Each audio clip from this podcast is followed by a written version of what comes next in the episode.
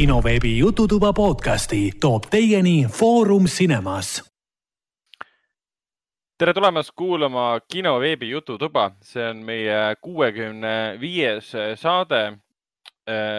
ja meie oleme jätkuvalt, jätkuvalt kolmekesi interneti teel teeme seda saadet kuigi muu maailm on juba hädaolukorrast edasi liikunud või eriolukorrast edasi liikunud ja saab stuudiotes kokku, aga me avastasime, et see on meie jaoks palju mõnusam lahendus, kui iganädalaselt kokku saada, aga minuga koos iga nädalal, nagu ikka, on, on Raiko.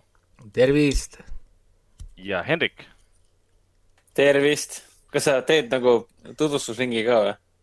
et mainin ära uutele kuulajatele, kes me oleme või? kes, kes, kes me oleme nagu, mis, kes need, mis värk on nende tüüpide? mina, mina olen siis endine kinoveebi peatoimetaja, aga praegune kinoartist, programmijuht Raiko, Raiko on endine kinoveebi peatoimetaja pra,. praegune siis, kuidas nüüd öelda?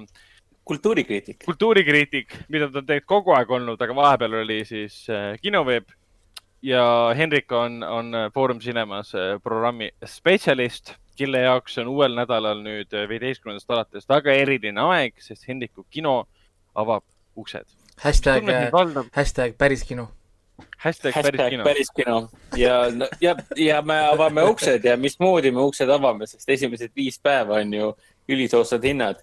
Ehk siis äh, esmaspäeval üks euro, teisipäeval kaks euro ja nii edasi nii et esmaspäeval vist ei ole enam eriti ruumi, et ennast kuskile paigutada. ja see reklaam täiesti toimib, sest ma olen seda reklaami näinud nii telefonides kui ka telekates kui ka raadiotes mm. -hmm. nii et see on neil päris agressiivne marketing selle avamise koha pealt, sest see surub ikka igale poole ette ja mulle naine yeah. ütles, et yeah. oh, Foorumis on ühe euroga piletid, et ja siis hakkas kohe vaatama, et kas on lastefilm, et kohe kõik lapsed siis kinno tassida kohe vaatame, kas, kas, kas esmaspäeval on mõni ah,, ikka on, Sipsikule mahub näiteks kella kahest. nii äh,, üks koht on venekeelsele Onwardil veel olemas esmaspäeval jah, täpselt. siis äh,, kurat, see veel, nii, Tarantino dokumentaalil on veel seitse kohta vaba. see on see lastefilm ju. kohad lähevad muidugi väga kiiresti tänu äh, koroonaepideemiast tingitud piirangutele ka, sest noh, me ei tasu, me ei kasuta ära ju täismahtu kõik on ikkagi loodud vastavalt sellele, et nii nagu reeglid ette näevad praegu. aga ja, muidu on, kurat, ma oleks ise ka tahtnud äkki kinno minna, kõik seansid on välja müüdud ise tõesti kinos kinno ei saa minna, kõik on välja müüdud, see on väga kurb. kuradi rahvas, kuradi rahvas, lõpetage ära. Aga samas mis..., samas, samas ma tahaks ühte asja veel mainida, sest me küll korrutame siin, et Raiko on meil siin ju äh, kultuurikriitikaga äh, hetkeseisuga on ta nüüd väga tihe äh, videomängu äh, sisulooja ka ju tegelikult. alles hiljuti tema videogamers.eu on selle yeah.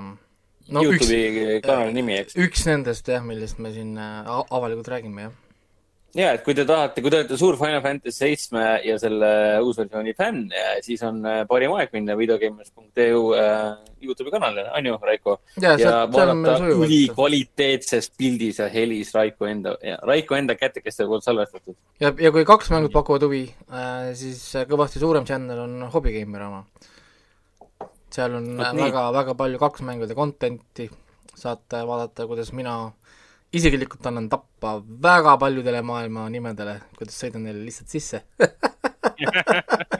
Ja, ja kõik, kõik meie kuulajad, kes on äh, kursis äh, Eesti äh, videomängukultuuriga, siis tõenäoliselt teavad ka Raiko Puusti nime, nii et omamoodi kuulsus tegelikult meil. või siis lau-, tegelikult siiski ma olen enne kõike seda olen ma siiski lauamängur hoopis nii et ja see on tõsi, see on tõsi. Raiko tõesti. just alles hiljuti oli ju äh, meie ühise tuttava Pelle Kilteriga isegi ju äh, ajalehes, mis ajalehes see enam oli, seda ma ei mäleta. see oli Õhtulehes oli.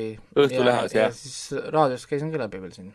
jah, oli. Eesti, Eesti, väikse et... Eesti riigi suurimad äh, kogujad. see on paratamatu, kui sa Eestis tahad midagi lauamängudest teha, ükskõik mis viisil sa tahad, oh, mul tuleb mingi ETX kuskil saates midagi lauamängudest, hakkad guugeldama Eestis lauamänge, siis põhimõtteliselt esimesed Google'i rivid on, on minu, minu päralt millegipärast. ja ma noh, ma saan aru ka, miks tegelikult. ja eks see on suure, suure töö, töö tulemusel ikkagi.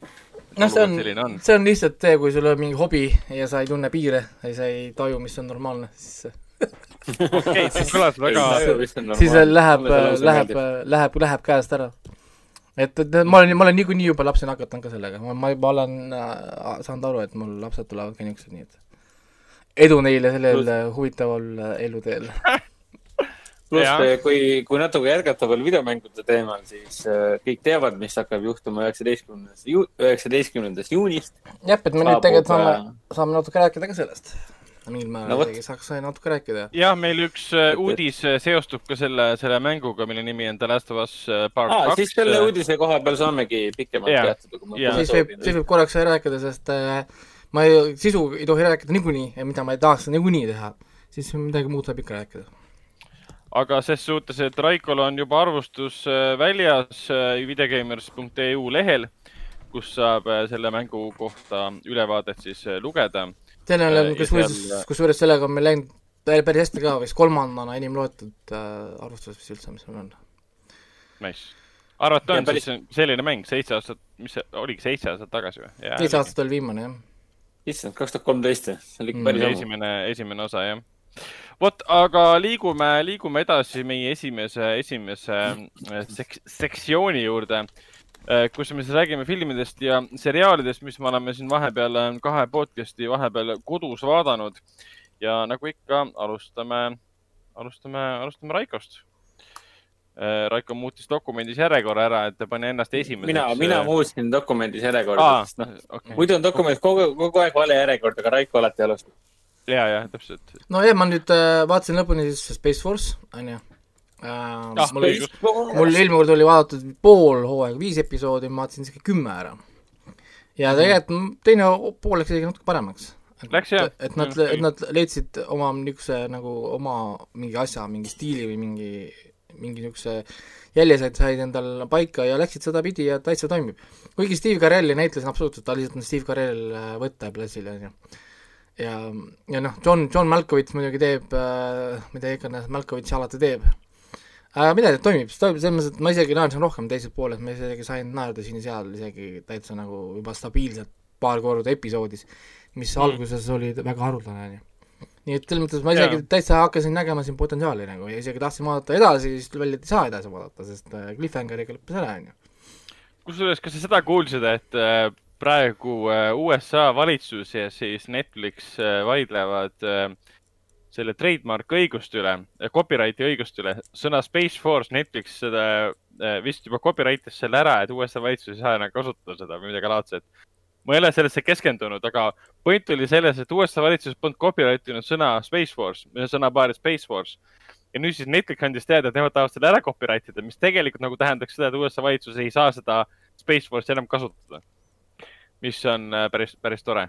Et seriaal, mis seda veits parodeerib äh, nii-öelda, äh, siis võtab selle nime ka ära, et USA valitsus seda kasutas ja. ja seal on, seal on nagu alati kontseptipõhine kasutamine tegelikult, et ja, ja seda küll, seda küll. ja et see copyright on minu arust väga spetsiifiline, et Space Force sa copyright'id ära meediumi ja meedia noh, nagu loomise koha pealt, siis nemad kasutaksid Space Force'i nagu päris asjana, vaata mm.. ei tea. kuule, mis su, mis su lemmik, lemmikepisood oli siis? Mulle meeldis üheksas episood, kus Jimmy O Yangi isa, isa käis ka siis ekraani pealt läbi, kus nad siis proovisid äh, hiinlastega läbi rääkida selle äh, kuu, kuu peal oleva terri-, territooriumi üle ah õigus ja, ja, ja, ja, ja, ja see oli päris tore. minu lemmikepisood oli see, kus oli see koer ja see šimpans.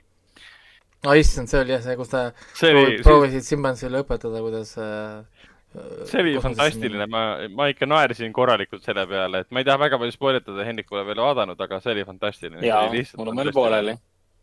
et see oli jah, niisugune, noh, see oli isegi näha, et oli, keegi oli mõelnud, et võiks teha nalja natukene. jah. muidu okay. oli jah nalja natukene, natuke liiga no, vähe. no siis ma vaatasingi ära selle Jimmy O Yangi, millest me eelmine kord rääkisime, see stand-up selles Prime videos mm. -hmm. kus ta põhimõtteliselt terve stand-up räägib oma isast ja perest oma mm, -hmm. oma Hiina perest ja kuidas see, tema Hiina peres asju näeb Ameerikas ja kuidas ühesõnaga klassikaliselt siis äh, mandariini rääkivad hiinlased äh, noh, elavad siis nagu Ameerika ühiskonnas, on ju. ja noh, kõige parem nali oligi see, et äh, noh, nagu mis tuli välja, et oligi tegelikult nagu päris story, kuidas ta räägib, et noh, kui äh, tema läks, noh, ta õppis majandust nagu äh, ülikoolis ja siis ta läks isa, isa juurde seda, kui ta oli ära lõpetanud, et ta tahab hoopis olla nüüd stand-up koomik mm.. ja isa muidugi ütles, et ei, onju, noh, siis mõtlesin, noh, mis mõttes ei, lihtsalt ei, noh, ei, see, see, sa ei saa olla seda, et see ei ole noh, nagu see, noh, nagu see ei ole valik, vaata. aga siis see Jim ikkagist nagu tahtis, onju, käis, tegi stand-up'i, lõpuks sai siis äh,, mida isa eitas nii kaua, kuni ta lõpuks selle rolli selles Silicon Valley selles sarjas äh,. Peale seda, mille, mis ta oli, oli, oli leping ja siis ta isa vaatas, et okei okay,, et nüüd on sul leping, nüüd sul on raha, et see on hea. aga kohe, kui sina saad olla näitleja, siis saan mina ka olla näitleja. onju, noh, noh, noh, et siis ei saa olla väga, väga keeruline, vaata. ja siis oligi, et siis Jimmy tegi nalja, et oi, et ma panen sulle oma agendi numbri ja ja noh, et, et teeme siis nii. ja siis ta isast sai in- instantne staar. sai mingi suure rolli mingi Hiina kõige populaarsemas sarjas, mida vaatab mingi pool miljonit, ei pool miljardit inimest mm. Mhm. -hmm. siis, siis ta sai mingid rollid kohe järjest seal filmides äh, seal Ameerikas. seesama see Peter Bergi film, see Bostoni maratonis, seal oli ta ja aa, see, aa Ah, jaa, jaa, jaa. mis see. Patriot Day või? ei, jah. oota, kumb neist? Peter Berg või? aa äh,, ah, kurat, Peter Berg. oli ta teeb Patriot nii Day lolle filme, Patriots Day jah. ja Peetrus Day jah, okei, ma, ma mõtlesin ka, mis selle nimi oli. Ta teeb nii palju neid äh, filme ja need kõik on nii halvad ja siis ei tule enam meelde need pealkirjad. no ja ühesõnaga ta hakkas saama jah, siis järjest mingi filme ja, ja rolle ja asju ja pakkumisi, siis siis Jimmy ütles ka, et kurat, et noh, nagu, et ei tohi talle rohkem ühtegi ideed anda, sellepärast et et ta isa siis järgmisena ütles umbes davai, et ta tahab nüüd teha stand-up'i. sest Mhm. kuidas, kui Jimmy saab seda stand-up'i teha, siis see ei saa olla väga nagu see ei saa, see ei saa olla ju väga, väga, väga, väga keeruline siis, onju, et, et, et ta selle näitamise tegi ja see oli fun, vaata, aga ta nüüd tahab teha stand-up'i. väga toetav isa. siis Jimmy ütles umbes, davai, et sa mine tee siis mingi klubidesse, ei ta ei taha klubi, ta tahab teha kohe teatris. ahah, okei. no vähemalt, vähemalt keegi pakub vaata pojale konstantselt nagu konkurentsi. nojah, et ikka, et oleks tempo peal, kurat, noh ei saa niimoodi, et mis sa mõttes ootad, noh, kui sa ei tee, siis teen mina ära. noh, ja siis ongi hilja. ei, selles mõttes, ei, täitsa, stand-up oli, et äh, niisugune, jälle ma räägin, ropust vaba ja niisugune chill, noh, seal ei olnud mingit niisugust mm -hmm. noh, ei olnud mingit tumedat huumorit ka ega midagi. tegi siin nalja natuke erinevate rasside üle siin ja niisugune kla-, klassikaline niisugune mõnus. Mhm. siis äh, vaatasin ära selle Defending Jacobi nüüd ka, esimene hooaeg siis sai nagu läbi, ma ei saanud arugi, kusjuures, et see sai tegelikult nagu läbi, ma mõtlesin, et siin tuleb veel osasid, aga kuna ei tulnud ühte osa, ma mõtlesin, kurat, kas see on siis läbi või. ja siis nad tegidki niimoodi, et nad jätsidki pooleli äh, raamatu siis keskel, Mhm. aa, Kus- niimoodi hoopis või? kus kohas siis äh, Jacobi trial saab läbi, see on hea koht, kus pooleli jätta, põhimõtteliselt vaata noh, nagu noh, Jacob, Defending Jacob ju ongi nagu see Jacobi trial, et siis noh, jätame hooaja pooleli, kui Jacob trial on läbi. noh, nagu selles mõttes, noh, see on nagu loogiline koht, kus tegelikult äh, ära, nagu lõpetada. sest noh, tegelikult lugu läheb edasi, noh veel, sest nüüd on, nüüd on selle trial'i see aftermath on ju, mis tuleb raamatus, kuidas siis äh, elanikud nüüd edasi tegelevad, siis äh, uus case, mis tekib pärast seda, ühesõnaga ma ei saa spoil ida midagi, ja lõpu, see lõpu suur moment siis, mis tegelikult toimus, vaata, mida meie ei tea. Mida meie hetkel ei tea. et väga hea, väga hea krimi, krimi asi on kurat, aga kusjuures siin on üks suur erinevus on, on raamatu, kui raamat oligi tehtud nagu äh, nagu see kohtukrimi, niisugune investigative noh, niisugune mm. -hmm. uurimine, see oli põhjus, miks ma seda kuulama hakkasin, sest mulle meeldivad sellised asjad. sari on nagu väga family keskne või noh, perekeskne story et palju vähem on siin seda niisugust uurimist, niisugust kohtudraama värki, vaid enamasti meil on ainult see pere nagu, kuidas see pere nagu toime tuleb, kui sind süüd-, süüd-, süüdistatakse igalt poolt, ühiskond on sind süüdi mõistnud, ilma et kohus tegelikult tuleks isegi tõendeid veel sinna vastu leidnud, vaata. ja kuidas lapsed on karmid, käituvad sotsiaalmeedia, kuidas kõik nagu noh, ühesõnaga noh, see meemide tulek näiteks ka, kuidas hakatakse poisi üle tegema meeme, et ta on mingi räige killer, vaata. Mhm.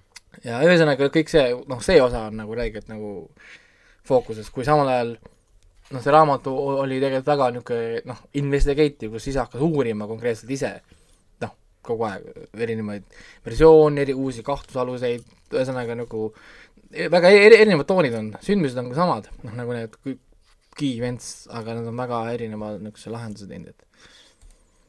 nii, siis ma vaatasin ära selle Dave Chappelli kaheksa nelikümmend kuus, kusjuures ma olin mingi esimese kümne vaataja hulgas, sest kui ma panin selle video Youtube'ist äh, tööle, siis näitas, et tal on kümme vaatamist ainult. Nice, ma vaatasin ka ära. et mul, mul telefon äh, soovitas seda öösel mingi tuli. et vaatad mingi kaheksa nelikümmend kuus Dave Chappelli oma. see, see oli jah, hästi ootamatu, kuidas ta järsku välja ilmus lihtsalt. et noh, muidugi pidi, pidi, pidi olema Netflixis, aga mine sa, et Netflixis seda ei leidnud Äh, võib-olla ta oli, ta oli USA Netflixis ilmselt, aga ta pandi Youtube'i üles igale poole, et. jep. no eelmine e oli küll hea. esimene asi, ei, mul on suur Dave Chappelli fänn, kuid see oli päris. jaa, ei ta on väga äge. kuid see oli päris sitt. esiteks, see ei olnud üldse naljakas. no see on oh. stand-up, see oli, see on. ta oli lihtsalt mingi, mingi ränd oli tal seal.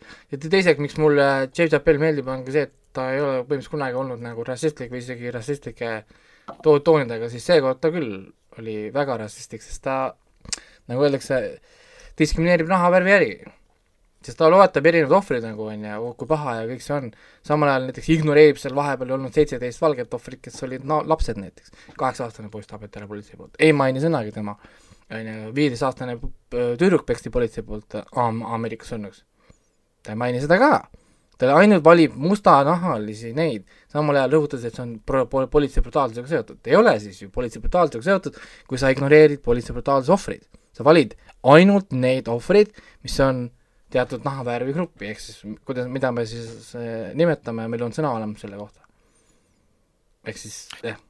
nojah, aga samas tal on õigustus, see on, tal on õigustus olemas, miks ta on, miks ta on vihane ja miks ta tegi selle stand-up'i, mis ei olnud stand-up, sest see oli äh, see ta oli mingi, oligi ränd lihtsalt, see oligi nagu... mingi ränd. noh, ja. Läks lihtsalt liiga emotsionaalseks. ja. see oli monoloog. no see oligi monoloog ja siis samuti mulle ei meeldinud absoluutselt see, et ta õigustas, ta vabandas neid mustanahalisi, kes tapsid politseinikud näiteks. et äh, ta, ta tapis ainu-, ainult sellepärast umbes, et teda rõhuti või lükati ära. mind ei huvita maailm on täis valgenahalisi, kes seda rõhutakse, surutakse mida iganes pidi ja ta läheb, tulistab kooli näiteks ära, kas me hakkame siis äh, vabandama seda või? et, et, et läheb, läks kooli tulistama, sest ta kiusati või? tal oli jah, siuksed äh, imelikud, siuksed veidrad äh, argumendid, et loetles näiteks, et mõned politseinikud, kes on ära tapnud mustanahalised äh, vahistlemise käigus ja siis ütlesid järgmisel päeval tulid mustanahalised äh, äh, kõik olid enamjaolt endised siis armees, armee liikmed, kes siis tapsid politseinikke ja pikalt rääkis ühest konkreetses, kellest mina isiklikult polnud midagi kuulnud. Äh, äh, endine politseinik, kes äh, jäi süsteemi hammasrataste vahele, sest ta tegi kaebuse politseiniku peale, kes siis tappis ära vist lõpuks mingi üheksa politseinikku. nojah, üheksa politseinikut tappis nagu ära, nagu what the fuck.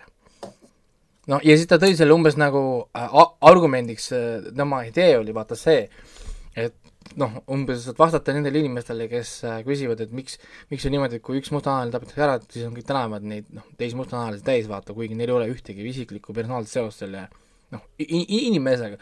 tema vastus oli see, et aga miks siis äkki kõik oli nelisada politseiautot oli umbes, kui nende politseinikud tapeti ära, nende omad tapeti ära. ehk siis nagu jälle noh, mis, milline on ras-, rassistlik käitumine, rassistlik käitumine on, kui sa tekitad gruppe nahavärvi järgi või sa ootad, et teatud nahavärv käitub teatud käitumismustrit järgi. noh, ehk siis nende, see oli see jama, mis mulle, miks mulle näiteks film Get Out hullult meeldis. oligi vaata see, et äh, veider käitumine oli see moment, kus kohas mustanahaline pani käe üles, et umbes teha seda musta, mustanahalise tervitust, aga teine mustanahaline andis selle tervituse nagu valge inimene. tervitas mm -hmm. kätt. ja siis ta ehmatas ära, sest tema käitumine oli tegelikult rassistlik käitumine, sest ta ootas, et mustanahaline käitub nagu tema näeb mustanahalist käitumist ja kui mustanahaline ei käitunud nii, nagu tema ootas seda, siis midagi on valesti no,. ei pea olema valesti, no seekord oligi valesti, aga see ei tähenda, et on tegelikult valesti.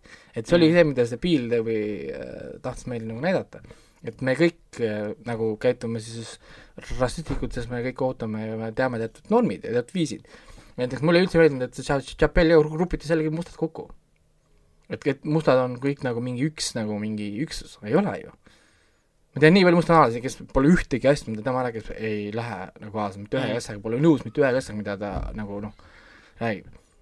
ja, ja see on üle nagu kõige, see on ainult väikene grupp tegelikult. Need on võib-olla mõned tuhanded inimesed, võib-olla kakskümmend, kolmkümmend tuhat inimest. me räägime miljonitest noh, inimest inimestest tegelikult mm.. noh. et, et selles mõttes mulle see ei meeldinud, mulle ei meeldinud see nagu ränd talle, sest mulle ei tundunud ta nii objektiivne või kui ta nagu tavaliselt on nagu olnud. Sest üldiselt Chappell on leidnud, ütleme nagu Kristo Rockili sarnaselt. Sellise niisuguse nagu väga neutraalse viisi, kuidas rääkida kõikidest noh, nendest, nendest mm. teemadest, umbes nagu Bill, Bill Burry'l on see oskus, et ta suudab rääkida nendest kõigist, ilma et kuidagi noh, et ilma, et see tunduks poliitiline, vaata.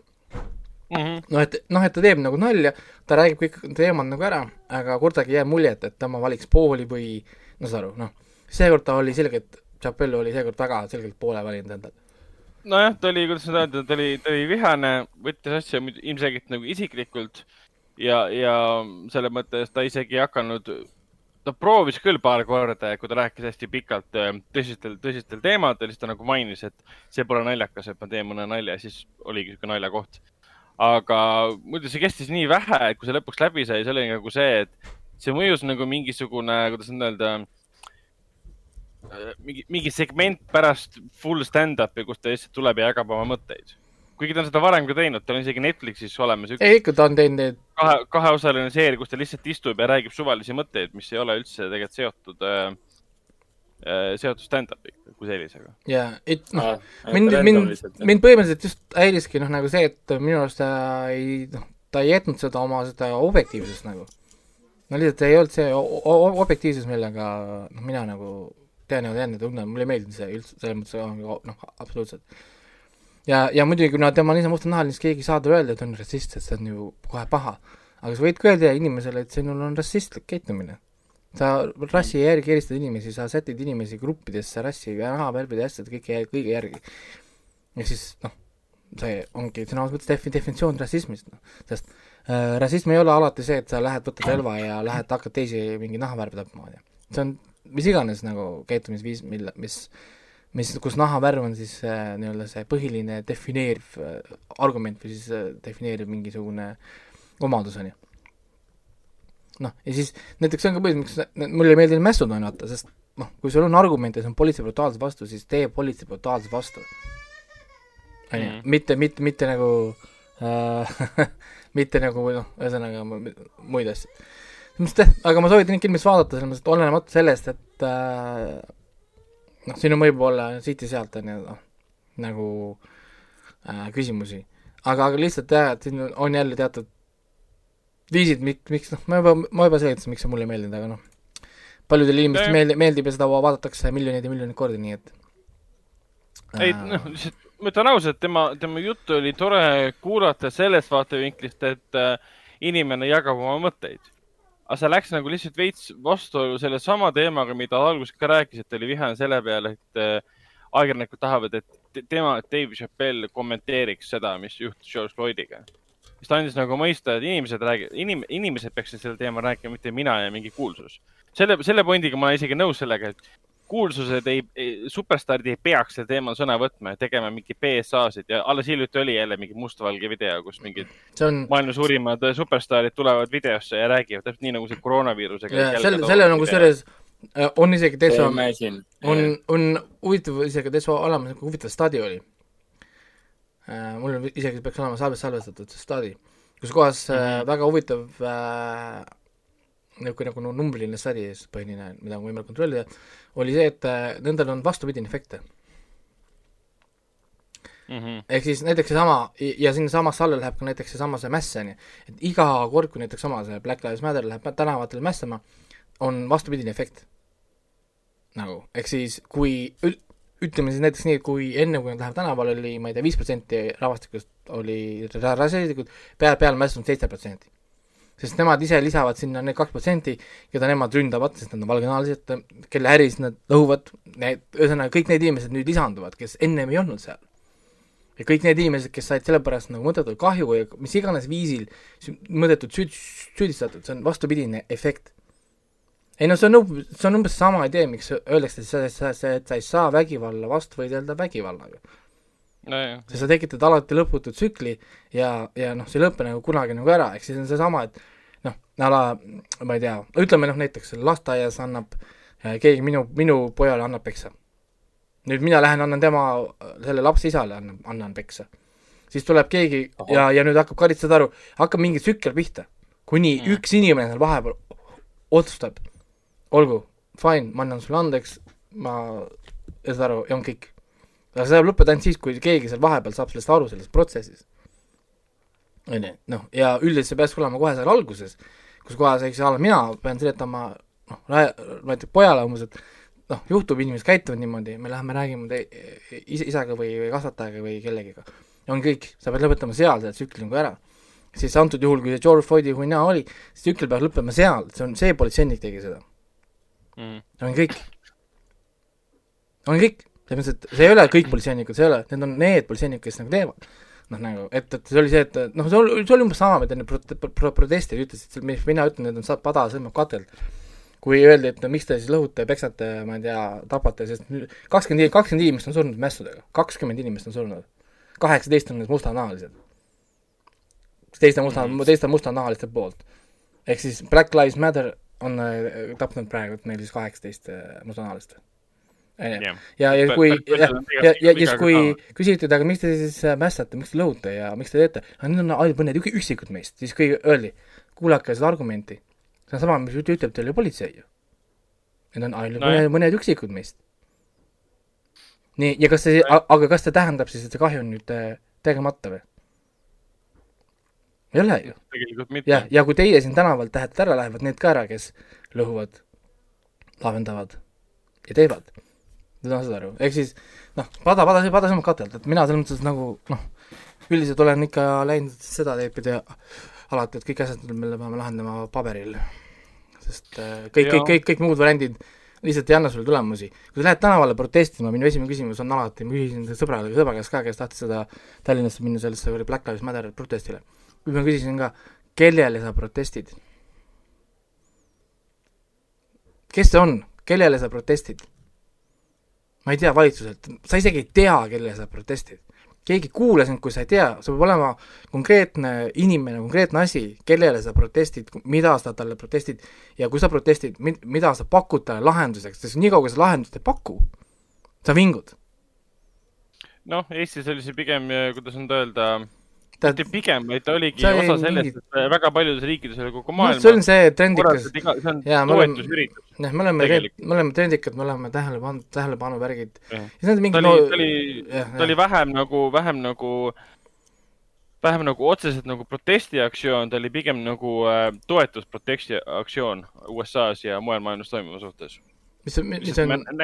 näidati välja, et me toetame et, et see on jah, nagu nii veider, siis asjad on noh, mind häirivad näiteks siin lasti üks professor lahti lahti sellest sellepärast, üli, seal just oli uudis, et USA ülikoolis, sest ta ei andnud mustanahalistele õpilastele erikohtlemist, sest mässudel osalemine ja George Floydi surm ei ole ülikooli reeglitega sätestatud kui eriolukord või lähiperekonnaliikme surm. Mm.. siis nad, nad, nad tahtsid saada mingisugust vabastust ta ütles, et ta ei vabasta neid, sest pole ühtegi põhjust. ja siis ta kummardati umbes ära rassistliku käitumise tõttu, kuigi tegelikult ta just käitus ju mitterassistlikult, ehk siis ta kohtas kõiki õpilasi võrdselt mm.. ja käitus reeglite järgi, nagu, ehk siis see on nüüd see koht, kus mina hakkan minema, minema teedeks, sest sa ei tohi kunagi karistada ühtegi inimest selle eest, et ta jälgib reegleid või ta käitub õigesti. noh, nagu, sest noh, kui sa karistad ta selle eest, siis küsimus on, mille eest ta karistada ei saa. noh, siis meil tekibki nagu jälle see lõputu tsükkel ringloogika ja me ei saagi kunagi sellest välja, sest lihtsalt noh, enam ei eksisteeri ühtegi viisi, mille järgi midagi teha saaks mm.. nii, aga olgu see selleks, siis viimane asi, mis ma vaatasingi lõpuni, oli see Tora Tora mm. -hmm. me eelmine rääkisin sellest animest ka, mis oli väga veidra sünopsisega äh, anime. jah, mäletan, mäletan. see tundus nii äge ja, ja siis äh, vaatasin täitsa lõpuni ära, esimene hooaeg läks nii kiiresti, kurat, tõmbas ikka päris hästi nagu kaasa. E, esimene hooaeg on kaksteist episoodi vist oli või? jah, kaksteist vist oli või kümme või kaksteist. ja, ja jääb pooleli tobeda cliffhangeriga, jääb pooleli, kurat. et nüüd peab ootama siis teist hooaega, teine on juba kinnitatud ka, nii, nii palju ma juba siis sain äh, Google'i kaudu teada.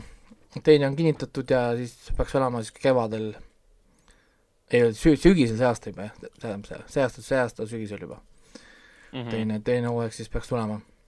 aga veider on see küll, see on ikka, see on ikka väga veider, aga tal on mingi väga huvitav niisugune äh, ma, ei, ma ei mis oleks niisugune, niisugune hea sõna. need on hästi, on hästi kirjutatud, et kõik see veidrus muutub ka sinu jaoks väga kiiresti normaalseks. nagu mm -hmm. Ja, ja, ja teised karakterid, kes tulevad nagu sisse sinna, väga kiiresti võtavad nagu sarja nagu üle. ehk siis see peategelane, see Kaiman, see mees, kellel on siis sisaliku pea, kes siis hammustab teiste võlurite ah, peasid, et siis saada teada, mida siis mees tema kurgust talle ütleb et, et, et, et, et tema tegelikult jääb, jääb isegi natuke taha, tahaplaanile. Et teised karakterid, isegi huvitavamad karakterid äh, tulevad nagu juurde. Ja päris palju karaktereid tuleb siin nagu juurde. Ja selles mõttes see läheb päris kirjuks, see karakterite nagu seltskond, kõikidele antakse oma tausta, kõikidele antakse oma mingi story, kuidas keegi liigub äh, noh, erinevatel maailmade läbi, kes on see sortsid, kes on need nõiad, kes on, kes on kõik nagu, kes nad on kõik nagu. Kuidas keegi sai oma positsioonidele, ühesõnaga siin on päris palju niisugust nagu asja, iga osa on kakskümmend kolm minutit, aga sa saad nagu päris palju content'i hästi kiire tempoga kogu aeg. Ja siis tundub päris pikad, noh kui sa vaatad pool tundi ära, sul on tunne, et sa vaatasid mingi viiskümmend minutit äh, või noh, tunni ajast nagu mingit täispikka asja vaata. et noh, mul eile sõber oli külas ka, siis ta vaatas ka seda vahepeal ja naeris ka, ütles, et kurat, see oli nagu nii veider, aga samas jälle nii fun et see muusika on ka nii, mitte nii üldse nagu animesse ei sobi see muusika, aga siin kuidagi nii hästi minu arust nagu läks, et see mingi üheksakümnendate alguse keskpaiga niisugune veider, mingi tehno, mingi ma isegi ei tea, mis, missugusesse sellesse kvaliteeti seda panna, noh, me kvaliteet on siis žanri panna, et väga niisugune aga ei, väga, väga hea asi, mul on väga hea meel, et eh, Netflix selle ikkagist tegi ära, ma ei usu, et see oli nende jaoks kerge otsus, sest eh, mangana see ei olnud kunagi üüber, üüberpopulaarne, ehk siis nad tegid tegelikult mittepopulaarse manga järgi seriaali. pigem selline obskuurne. Ja mulle pigem tundubki, et, et see müüdi maha võib-olla Netflixile siis selle ideega, et see ongi nagu mingi väga mingi nišikas obscure ja paneb inimesi rääkima sellest, mida tegelikult noh, seda neil ongi vaja. tegelikult ka, tegelikult ka nagu tegi, sest äh, ammu pole olnud tegelikult seda, kus äh, lähed, lähed Crunchyrolli või, või Foorumisse, kus inimesed räägivad mingisugusest Netflixi animest nagu. et, et äh, Pole nagu väga jah, pikalt nagu seda olnud, kus kohas mõni Netflixi originaalanime nagu tõmbab niisugust nagu suurema kommuuni tähelepanu, tavaliselt nagu see noh äh,, kuidas need inimesed nimetavad seda, selle kohta on isegi mingi välja, väljend olemas. Äh,, nende Netflixi animete kohta, me oli mingi safe anime või noh, noh, ühesõnaga nad teevad tavaliselt nagu, mis on nagu safe, aga noh, noh, nagu see Drifting Dragons. Nad võtavad nagu asja, mis nad teavad, et noh, nagu noh, umbes, et see juba toimib või noh, me võtame juba mingi populaarse asja, siis seekord nad võtsid, et davai, et ma ei tea, võtame mingi obscure asja kuskilt mujalt, vaata. aga nad muud-, tekitasid olukorra, kus see muutus niivõrd populaarseks, et nüüd võib-olla muutub manga populaarseks. oi, muidugi, kindlasti, sest äh, nõutakse teist hooaega ja kõik see. et, et nendel anime mõju on alati mangale äärmiselt äh, positiivne. Äh, Hunter x Hunteriga oli samamoodi, et Hunter x Hunteri äh, anime tehti kaheksakümnendate lõpus inimestel oli oh, oh, issand, kui hea see on, mis see see on. ja manga läks pumm, kohe nagu käima ja kahe tuhandendatel, kahe tuhande mingi alguse poole tehti siis nii-öelda remake või noh, nagu remaster siis uute tehnoloogiatega, siis on manga see äh, anime uuesti. ja jälle manga läks noh, kõik asjad teliti kohe uued asjad, et see mm -hmm. noh, need on, kaks käivad nagu koos et äh, sul on mõlema, mõlemat pidi on võimalik asju nagu ellu äratada või noh, nagu toetada. et eh, Bleach, Bleach, on nagu niisugune hea arg on olnud, kus Bleach, kui kunagi hakati tegema, on ju, Bleachi, siis ta oli äärmiselt populaarne Shonen Jumpi niisugune igakuine, iganädalane äh, nagu manga. kõik va-, küll lugesid seda, kõik tahtsid teada, mis saab Ichigost ja Shinigamidest ja kõikidest. siis äh, tuli see anime, super popp kõige, kohe tõusis sinna tippudesse, Narutod, värgid, kõik, ühesõnaga kohe Bleach oli seal kõikide nagu juures. kõik, kõik vaatasid Bleachi, nüüd oligi mure, autor oli tegelikult mõelnud Bleachi kui alguse ja lõpuga story. noh, saad aru, noh nagu mm., aga nüüd kõik tahtsid vaadata, siis autor pidi hakkama nagu juurde nagu vägisi sinna seda content'i mõtlema, tal ei olnud tegelikult planeeritud seda ju, noh nagu seda noh, see peaks nagu kestma nii nagu pikalt. siis ta tegi nagu manga nagu ära, manga populaarsus hakkas nagu langema sest eh, noh, story muutus, noh, oli, oli, oli näha, et autoril võib-olla ei olnudki enam nii head ideed võib-olla, kui kui nagu tahtis. aga kuna autoril nüüd läks aega sellega, noh vaata, noh, sest ju noh, mangad tulevad nagu no, aeglasemalt kui see, siis anime tegijad tegid oma content'i. et täita fillerina. aga see oli megapopulaarne, inimestele meeldis see anime tegijate enda nagu see, mis nemad mõtlesid, vaata välja, et noh, nagu, et me teeme fillerit nii kaua, kuni me saame päris seda arki, mis siis on nagu mangas, vaata. Siis see autor nägi seda, et see on jumala hea idee ja siis tegi nagu uue arki, vaata, nagu selle sarja nagu vaata järgi. Ahaa, ja siis äh, hakkas käima niimoodi nagu pendeldamine, vaata. siis see sari langes vahepeal jälle, sest nad tegid seda manga järgi nagu stuff'i, siis nad tegid, siis, siis äh, läks nagu vastupidi, nad tegid oma nagu, siis nad võtsid selle uue populaarse kirjutatud, siis see sa-, anim läks selle ülesse, siis see noh, ühesõnaga nagu nad liikusid nagu edasi-tagasi, kus kohas sarjategijate vahepeal tabasid märki ja sinna vahel, vahel mitte. Bleach kestis hästi pikalt aega, Bleach on palju-palju episoode, viissada, kuussada episoodi, ühesõnaga päris suur number episoode, nad panid cancel sellele. numbrid kuk-, nu-, numbrid kukkusid lihtsalt äh, Aa, okei. alla, aga mitte nagu halvaks, vaid lihtsalt nagu mitte standardile, mida nad olid harjunud saama Bleachilt, vaata. kui e- enamus animeid saaksid niisuguseid numbreid nagu Bleach sai, siis nad oleks väga rahul, lihtsalt noh, ta oli juba aastaid, ma ei tea, ma ei tea, kümme aastat või ühesõnaga mingi pikk, pikk arv aastaid oli olnud nii kõrgete numbritega, et numbrid langesid alla, pandi cancel. nii, siis autor sai puhata, lõpuks ta kirjutas igal pool Twitteris asjadest, ta on lõpuks saab hingata ja saab kuradi kodus magada rohkem kui kaks tundi, on ju, ja noh, et äh, ühesõnaga, et tal oli noh, nagu hea meel, siis, oli paus. aasta kaks-kolm oli mingi paus ja vend tuli tagasi Bleachiga, tal olid uued ideed. Hakkas tegema uuesti mangat, on ju, nüüd on manga mega populaarses tipus ja pumm, anime sai uue Green Light ja nüüd tuleb Bleach, Bleach tagasi. aa, kas see on siis nagu Bleach kaks või mis ta ei, Bleach läheb edasi lihtsalt. lihtsalt Bleach, Bleach tuleb, tuleb tagasi. uus hooaeg ja, ja, ja seda, mida mina praegu vaatasin, näitas, et oli kaks tuhat neli kuni kaks tuhat kaksteist, kaheksa aastat. kaheksa aastat jah, see võis küll olla jah, ma räägin, et see oli pikalt ikkagi, kuusteist hooaega noh. See on on ikka väga, väga nagu palju. aga Bleach Bleach, Bleach nüüd tuleb tagasi. väga äge. peaks ka ette võtma, Eesti Netflixis ma vaatan, teda ei ole. Bleach, Bleachi film on see aa, jah, live okei. action, live action versioon jaa, sellest ma olen kuulnud isegi. Et, äh, kas see, kas see on üldse vaadatav või? ta kusjuures üllatavalt äh, võrreldes siin nende Full Metal Alchemisti ja Attack on Titanite ja, ja Death Note'ide ja niisugustega on see väga hästi tehtud, aga kuna see võrdlusmoment on lihtsalt nagu noh, sa võrdled seda nii madala la- latiga, siis äh, ta paistab silma ainu-, ainult selle pärast. aga tavalise standardi mõttes on ta ikkagi väga mõttetu.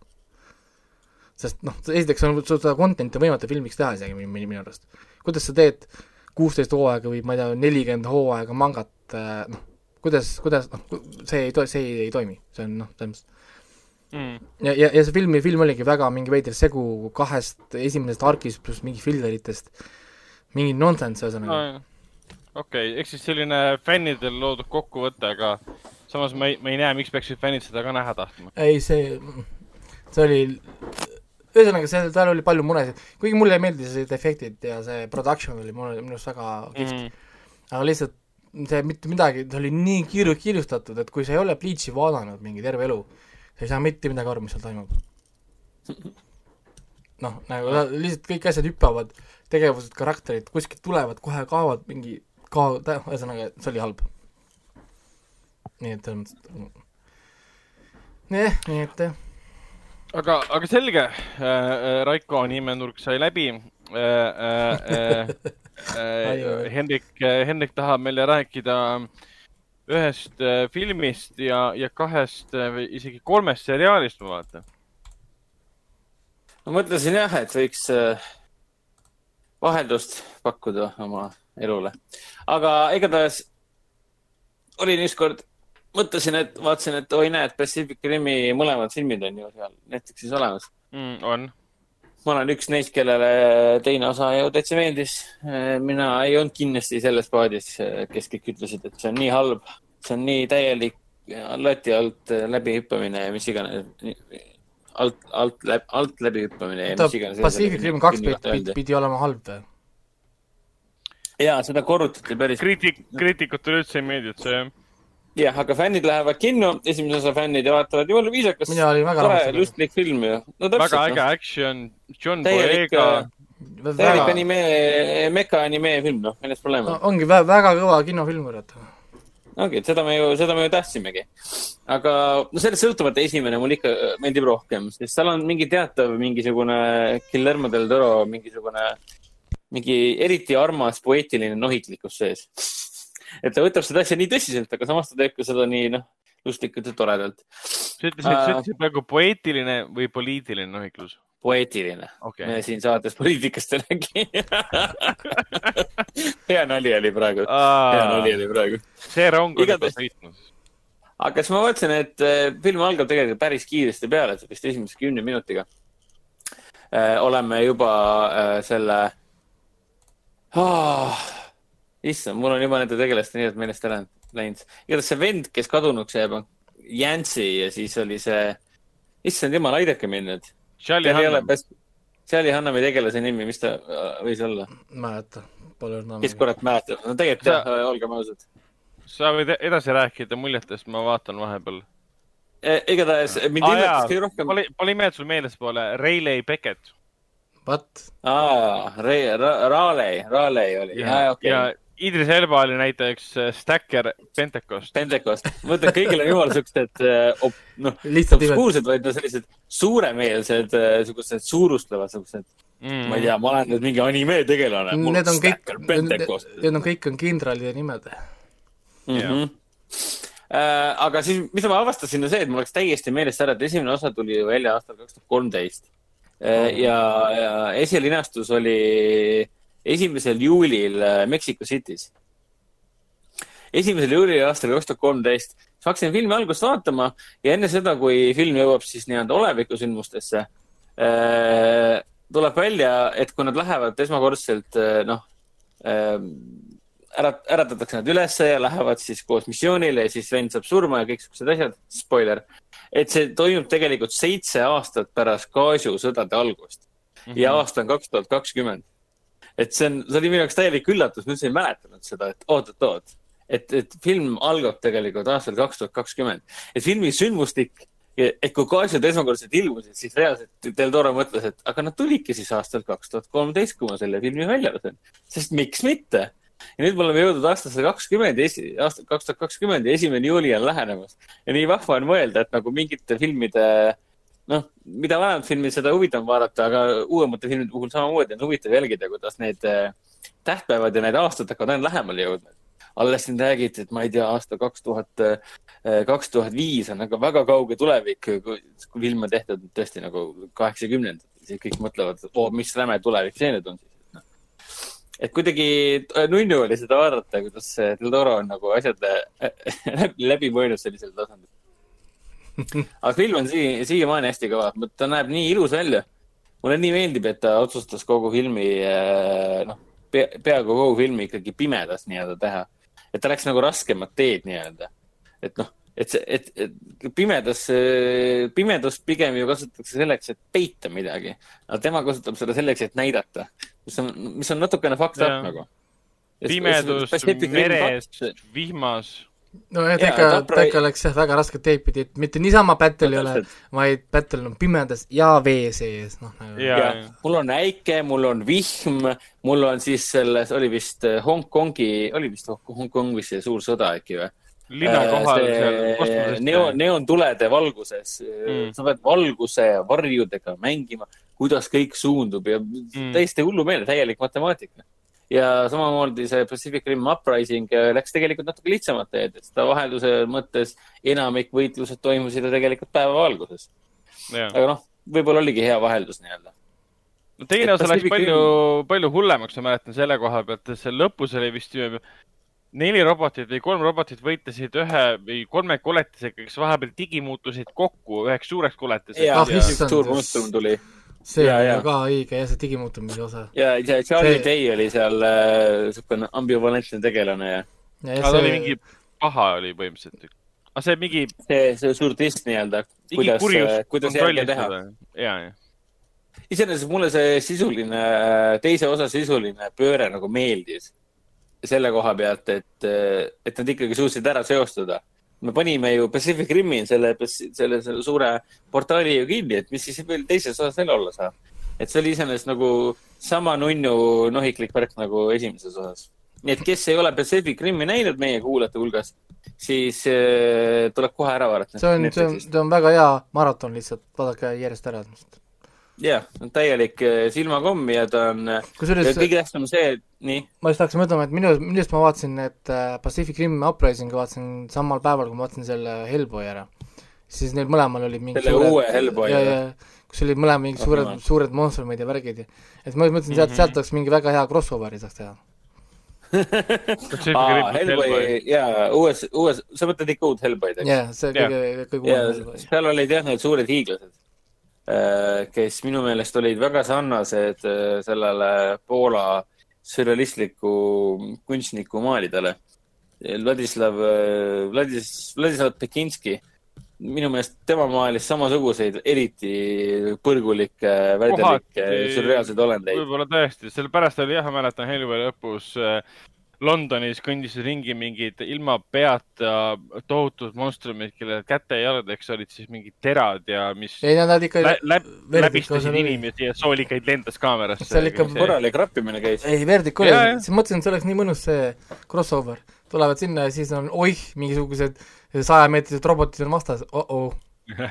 no siis, mis, mis, mis see nüüd on? ja siis saavad mingi, ma ei tea, fly, fly and kick ro robotilt vastu nägu aga, aga samas need on olendid põrgust, kes võitlevad robotite vastu, ehk siis põrgust teispoolselt pärit olendid ei, ei ole nagu lihast ja luust, ehk siis nad otseselt ei saa surra. jaa, aga see võiks, kusjuures see oleks tegelikult mõne film, three-way fight, kaitsud need suured äh, hell monsters ja siis on inimeste robotid, siis on suur hell fight käib ja siis see filmi, esimese filmi point on see, et lõpuks tuleb mingi piim ja siis taga on see Godzilla seal kuskil vari on seal ülevalt. et, et umbes kuulge, kuulge poisid, poisid, et see on tegelikult hoopis minu, minu pidu on see see on, see on minu, minu liivakast.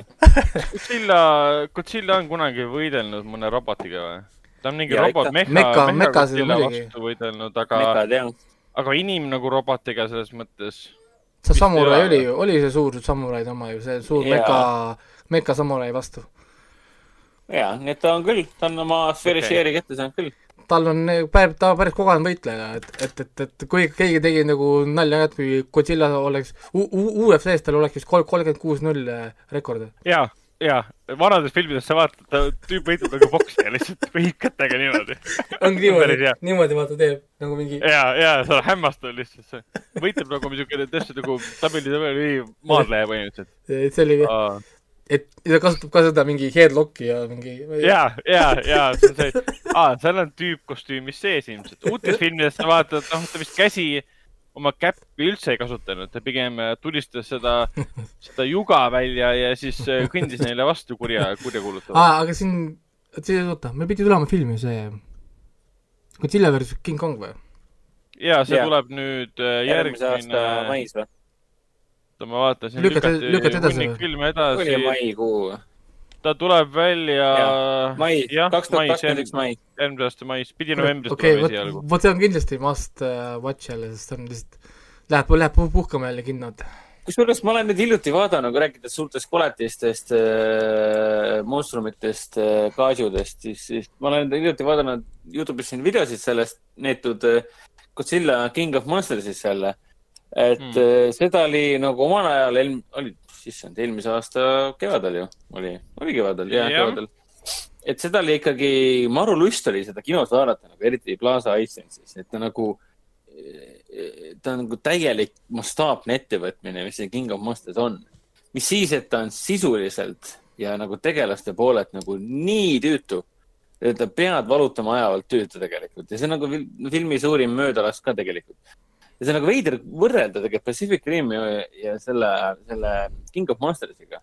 et veider, et kuidas, kuidas nagu andekad inimesed on tegelikult filmi taga, kuidas nemad ei suutnud siis nagu, nagu, nagu kandvat sisulist in, inimliini nagu, nagu käima lüüa et kuidas see nii raske saab olla? no muuseas, see oli ikka keerukas, sa hakkasid seal rääkima mingi koletiste ajaloost ja salavandenõudest. ei no idee oli iseenesest tore, see, see Tera, Vera Farmiga ja Charles Stanzi teema see selles äh, King of Monstersis mm., konspiratsioon, vandenõu või mis iganes veel, see kõik oli väga tore, aga miks see on niimoodi esitatud, et, et publik, publikul tekib tunne, et miks ma peaksin hoolima? et lõpetage jutt ära ja näidake mulle monstrumi. ega ma sellest ei tahtnud ka rääkida. monstrumite võitlus selles King of Monsteris on tegelikult nii fucking kaunis. see on täiesti crazy tegelikult. mis siis, et paljud lõõbivad selle kallal, et äh, oi, näed, nüüd tuleb Kinkidora, aga nüüd me viskame hästi palju äh, neid eriefektide kihte talle peale, et ta tegelikult ei näeks eriti hästi ja küll ta tuleb siin äh, kuskilt jää alt ja siis ta tuleb öösel ja siis ta tuleb seal äh, tossu sees. äik-, äikesetormi vahel ja, äh, ja nii edasi, et kogu aeg ei näe, aga tegelikult see on see, et nagu mida sa tahad siis nagu Pacific Rim samamoodi. sa tahad näha ju koletist ikkagi mõõt, õiges mõõtkavas äh, omaendas elemendis ja veel meie maailmas ka. See on ju ainus viis, kuidas seda näha. ega selline monstrum tuleb, ega ta siis ei, lihtsalt ei lenda sul ringi ja valge taust selja taga, et noh. mis mõte sellel on? ma võin seda kuskilt Youtube'is mingi testreili ka vaadata. jah igatahes Pacific Rim on äh, parim asi pärast äh, koroonaepideemiat. millest ma mäletan, ma andsin üheksa punkti ka kunagi selles, mina, mina olin väga, väga suur fänn Pacific Rimil, sest ta oli ikka nii puhas entertainment, et absoluutselt, eriti muusa, muusika on ka nagu täiesti rock n roll nii-öelda, heavy metal, et täielik nauding uh,. siis ma võtsin ette siukse toreda asja, et ma vaatasin siin lõpuks TV6 vahendusel Big Bang Theory kogu hooaja järele jälle uuesti lõpuni. et ma olen seda Big Bang Theory't ikka siin lakkamatult TV6-st vaadanud. Äh, mis hooaeg see nüüd on, viimane hooaeg või? kaksteist, kaksteist on viimane, sellega nad lõppes, et aastast kaks tuhat seitse kuni kaks tuhat kaksteist kestis. Äh, et me, tegelikult ma vaatasin selle lõpu ammu ära juba, enne kui see lõpp nagu ametlikult jõudis Eestisse nii-öelda Mm -hmm. nüüd ma vaatasin selle lõpu teist korda ära ja jumala eest rohkem ma Big Bang Theory't ei, ei jaksa vaadata, sellepärast et nüüd on iga, iga episood on nagu pähe kulunud juba. olgu, et viimased hooajad äh, on liiga uued, et sulle tuleks meelde, aga no that's, that's not the point. et ütleme niimoodi, et kui Big Bang Theory see viimane tseen käima lükkub, kus ta hästi rahulikult laul, laulab see, noh, Bare Naked, Bare Naked Ladies on vist see bänd, kes seda äh, Äh, teemaloo tegi Big Bangile. Äh, kui nemad hästi rahulikult, niisugune äh, madalal häälel laulavad seda laulukest, siis tahab küll niisugune tunne tekkida, et ja, jah, kõik need aastad ja kõik need pisarad. oli ikka väärt, oli. aga nüüd ma sain selleks õnneks lahti ja nüüd ma saan, tegin kokkuleppe siis elukaaslasega, et nüüd, nüüd on vaja uus seriaal võtta, et mida igal, iga argipäeval pärast tööd, söögi tegemise, mitte kõrvalt, vaid söömise ajal õhtusöögi ajal siis vaadata. otsustasime, et hakkame siis seda Kutsuge ämmaemandat vaatama. ma olen seda varem vaadanud, aga mitte Kutsuge ämmaemand. mis see on? Call the midwife. What the fuck? See see on väga lahe seriaal. me oleme siin, ma olen selles, selles podcast'is, ma olen sellest varem rääkinud ka, see jookseb ETV pealt eh, ka praegu minu arust kord nädalas. üheksa hooaega, oh my god. üheksa hooaega ja selle üks loojatest on äh, Sam Mendes ja tema produktsioonifirma. see põhineb, põhineb romaaniseerial, tõesti sündinud lugudel ja Vanessa Redgrave on see, kes seriaalil on siis narrator'iks ehk siis jutustajaks. Nice. Oota, aga see on see seriaal, kus lihtsalt igas episoodis mingi. keegi sünnitab. ja, ja, ja tegelikult ei ole, tegelikult ei ole, sest äh, ta ei ole ainult sellest, kuidas keegi sünnitab see ei ole nagu põhiteema aga see leiab jah aset, äh, see leiab aset siis Londonist, East Endis ja tuhande üheksasaja viiekümnendatel, kuuekümnendatel. Ja kogu lugu on siis põhimõtteliselt selles, kuidas meile näidatakse seda majanduslikku, sotsiaalset seisundit, East End, äh, töölisklass ja kõik see, kuidas tegelikult hakkas vaikselt ära, aren-, arenema ämmaemandus ja mm. kuidas tegelikult hakati üldse suhtuma sellesse või harima ennast selles valdkonnas kuidas tegelikult üldse äh, olla rase, jääda rasedaks äh,, sünnitada, mis tingimustes ja kuidas tegelikult inimesi tervena hoida, mitte ainult emasid, kes sünnitavad, vaid ka kõiki teisi inimesi, muunda, muuta suhtumist ja kõik siuksed asjad. et see on tegelikult äh, ütleme niimoodi, et äh, igale inimesele, kes, äh, kes, kes, kes ei ole kursis ütleme nii, et ajalooga, siis äh, tegelikult the Midwife ehk siis äh, Kutsuge ämmaemand on väga hea asi, mida vaadata. Kuigi ta on loomulikult on niisugune, kohati niisugune ninnu-nännu, äh, kohati natuke liiga roosa, hästi rõõmsameelne ja positiivne. aga tema põhiväärtus seisneb selles, et ta annab hästi palju vajalikku informatsiooni, mis pärineb meie enda ajaloost. aga ma olen seda mingit, mingit, mingit kümnet episoodi kindlasti näinud aga kuna me ei ole seda järk, järk-järguliselt vaadanud nagu õiges järjekorras, siis me otsustasime, et okei okay,, alustame siis esimesest hooajast, vaatame kõik ära. kuna kõik episoodid, mida me näinud oleme, on väga head. Seda ei ole üldse nii palju ju. oota, kas ta on nüüd läbi saanud seriaal siis või? on küll jah ta nüüd lõpetati vist lõplikult ära, jah? ma juba IMDB-st vahepeal vaatasin seda, seitsekümmend, seitsekümmend kaheksa episoodi on kokku, nii et tal on siis keskmiselt, mis on siis kaheksa ja pool circa episoodi siis äh, hooajas. kuule, aga kuule, ei, tal tuleb veel, tal tuleb veel. kaks hooaega tuleb veel. Aa, kümme ja üksteist on ära kinnitatud IMDB põhjal. okei, okei, selge selge. üheksas hooaeg äh, tuli, mul on pea aeglane, eelmisel aastal. aa, okei okay,, siis see ikka jätkub. kuule, siis teil on päris hea, te vaatate seriaali, mis on veel pooleli. see on, kus, kus, kusjuures see on äh, minu arust just nagu halb, et vaata, eriti kui veel hea pärast on, onju, siis tahaks veel vaadata, nüüd pead nagu ootama hakkama, nagu oleks mingi üheksakümnendad, noh. jah, aga selle sarjaga on see teema, et ta on lihtsalt väga kvaliteetne ta on väga intelligentne, ta on väga heatahtlik ja ta vahelduseks on tore midagi sellist äh, seriaali vaadata, mis sisendab sulle, et sõltumata äh, igale, iga selle pasale, mis meil ümber on, on ikkagi häid inimesi, kes tahavad teha häid asju ka, et noh. see on see, et eh, on... lihtsalt kvaliteetne või? okei okay,, see on nagu väga sa hästi. ka proovi seda. kas sa, Reiko, sa ei ole seda kunagi näinud või? ei, ma pole ühte osa näinud, ma kuulsin sellest täna esimest korda. Aa, see muidu jah, ETV pealt jookseb ja päris pikalt on jooksnud juba. meie hakkame seda vaatama Jupiteri vahendusel, kuna seal on kõik hooajad olemas nii et eh, lihtsalt lükkan oma eh, läpaka teleka taha ja valmis. teistmoodi seda ei ole võimalik vaadata Tehno. tehnoloogia wins. tehnoloogia, võit, võit läheb tehnoloogia aeda, kapsaaeda. nii ja ah,, muidugi, mida hakkab siis TV6 näitama selle Big Bang teooria asemel või? Baywatchi Re. reedest alates hakkab see TV6 näitama Baywatchi. ja aga see on hea ju. Bay... see on nii mõnus ju. no ja, ja, aga nad näitavad seda HD-s ka oh,. saad wow. aru, HD-s. HD stop motion running ma vaatasin esimest osa eh, ja ta on tõesti HD-s, ta näeb nii hea välja, täiesti lõpp. ma ei mäletanud, esimene osa, see on ju ikkagi, mis ta oli, kaheksakümnendate lõpus. see on ikka, see on, peaks olema sama nagu mina olen. no, no näed noh ta pidi ikka esimene, väga halb välja nägema esimene episood oli kakskümmend kolm aprill äh, tuhat üheksasada kaheksakümmend üheksa. okei, no siis, siis, siis, siis ta ei ole ikka veel äh, niimoodi, nagu mina olen. ma mäletan, et ta nägi ikka no. halb välja ja see HD oli väga kvaliteetne. Aga ainuke mm. asi, mis kohe ära reitis, et tegemist on vana seriaaliga, oli heli kvaliteet. eriti siis, kui nad hakkasid omavahel suhtlema. siis nagu tõrre põhjast oleks see nende dialoogi heli tulnud. see oli nagu kohe selge, see on vana seriaal, lihtsalt ilus pilt aga noh, see on Baywatch ka, siin ongi vist ainult ilusad pildid. selle piltidega, piltidega on küll, ma olen vaadanud neid pildi taastamise al algoritme, need on päris kihvtid tegelikult, et, et ma olen siin isegi oma panust andnud siin-seal natukene arvutamistega erinevatele ettevõtetele, et arendada neid äh, pildide taastamise algoritme. et kuidas ja, ja, et see on päris huvitav äh, noh, ütleme teema tegelikult, kuidas õpetada arvutile siis äh, nii-öelda täitma puuduolevat in-, in-, informatsiooni, et see on päris, päris kihvt äh, nagu niisugune asi, et vaata, see vahepeal tuli ju see äh,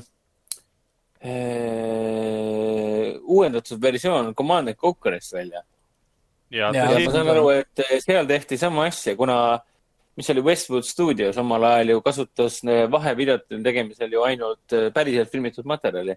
ja ma saan aru, et seal no, eh, nii Red Alerti puhul kui yeah. ka Commanders, Command and Conquer puhul, nad reaalselt kasutasid algoritmi, et pilti ilusamaks saada. ja ei saabki niimoodi, jah. lihtsalt väga kole. ja see on päris uh, huvitav, näiteks ma mingi hetk test, testisin ka, mulle anti E3-lt anti eelmine aasta kaasa äh, üks seade, mis siis nagu, kui sa paned näiteks äh, sealt pildi nagu läbi, sa saad 4K mm -hmm. pilti saada. siis äh, ma olin alguses väga nagu skeptiline, vaata noh, nagu ka, et noh, mismoodi, iga seade annab 4K pilti, isegi vana NES annab sulle 4K pildi välja, on ju mõtlesin, kuidas, kuidas see nagu toimib, ta seletas mulle nagu seda matemaatika osas, mõtlesin, see on huvitav tegelikult, sest, sest nad on tegelikult teinud väga niisuguse huvitava viisi, kuidas in-, informatsiooni kompressida ja dekompressida siis nii-öelda laiemal kul-, kujul, et arvuti saaks jälle aru, mis on puuduva informatsiooni asemel yeah.. ja, ja päris huvitav näiteks oli, oli seda, et ma panin Playcar kolme kodus taha, The Last of Us äh, esimese versiooni. Panin Playker kolme pealt tööl 4K-s, rekordisin seda äh,, tegin siis pixel, pixel count'iga, puhas 4K oli. Ehk siis ei olnud see äh, upscale itud, vaid see oli puhas 4K ja, ja siis võtsin selle remaster versiooni Playker nelja peal ja võtsin otse, noh, nii nagu Playker neli 4K-d annab, siis Playker kolme versioon oli sügavam, depth oli sügavam äh,, shadow'd olid defineeritumad ning äh, pixel count oli Playker nelja vers-, versioon oli palju, palju, palju madalam. no okei okay., no vot, vot, vot.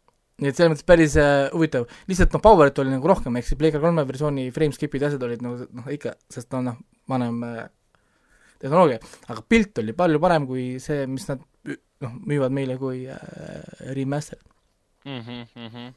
ei, see on täitsa huvitav tehnoloogia, jah. oota, aga siis äh,, aga kas on midagi Baywatchi juures, kus on tunne, et see on nagu väga halvasti vananenud seriaal või midagi? ma ei tea. ei, ta on ju, ta on niisugune justune kornivärk, et noh. no kuulge. Neid tehakse tänapäeval ka, et noh. see on äh.... ta, ta ei ole vananenud ei, ma ei mõtle sisulist mõtlen isegi, ma mõtlen seda, et kas eh, heliliselt või kuidagi lavastuslikult või, või, või selline, selle no, koha pealt. Pamela Anderson on päris kõvasti vananenud selles mõttes, et noh no.. dissid on dissid, need, need, need on aegumatu varandus. aga huvitav, kas, eh, kas TV6 hakkab näitama ka siis kõiki neid eh, Baywatchi hooaegu või? sest vahepeal oli see, mitte vahepeal, ma praegu vahepeal vaatasin, oli see Baywatch, mingi Baywatch Nights oli mingisugune spin-off seriaal näiteks. see ah Q3-s neil oli ainult üks hooaeg Baywatchi üleval ah.. ainult, ainult esimene hooaeg. aa, ei, näitavad ka, mul tuli meelde, ma pressiteade kinoveebis oli mingi hetk mm. -hmm. Uh, neil ongi, et, et neil tulevad, need hooajad tulevad nagu järjest, vaata, ehk siis neil oli mingi iga ajaperioodi tagant nad lisavad nagu terve selle hooaja, kuni nad on kõik äh, seal äh, mm -hmm. üleval. ehk siis ma kirjutasin selle juba mingi paar kuud tagasi, ehk siis nüüd täna ma kujutan ette, et K3-l juba lähed, on seal juba kindlasti rohkem kui äh, üks hooaeg. noh, siis, siis neil ongi siin terve suvi nüüd võimalus äh, näidata seda ette ja taha. aga mina mõtlesin küll, et seda ma küll igapäevaselt, iga nädalaselt ootama ei hakka. näidata e-, eest ja tagant ma pigem vaatan ikkagi seda Kutsuge ämmaemandat, et saada targemaks ja intelligentsemaks inimeseks. jaa, aga see peab, see peab äh, selleks, et saada targemaks, intelligentsemaks inimeseks, see peab vahelduma muude asjadega ka, et äh, üks, üks dissivaar pole kellelegi teinud liiga. Mm.. no, see, sel teemal saab vaielda, aga äh, liigume edasi minu äh, filmide ja seriaalide juurde. Äh,. ma esimest korda siis võtsin ette Eufooria äh,, kuna Hendrik on seda siis hästi palju kiitnud.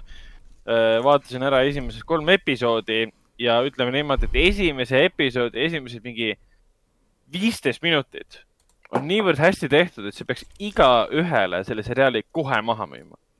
see on lihtsalt mm -hmm. niivõrd fantastiline meistritöö, mis puudutab on lavastust, visuaalide kasutust, efekte, leidlikku kaamera liikumist, äh, äh, loo jutustamist, ülikiiresti sellist tegelase tutvustamist, tema eluloo kirjutab, kujutamist.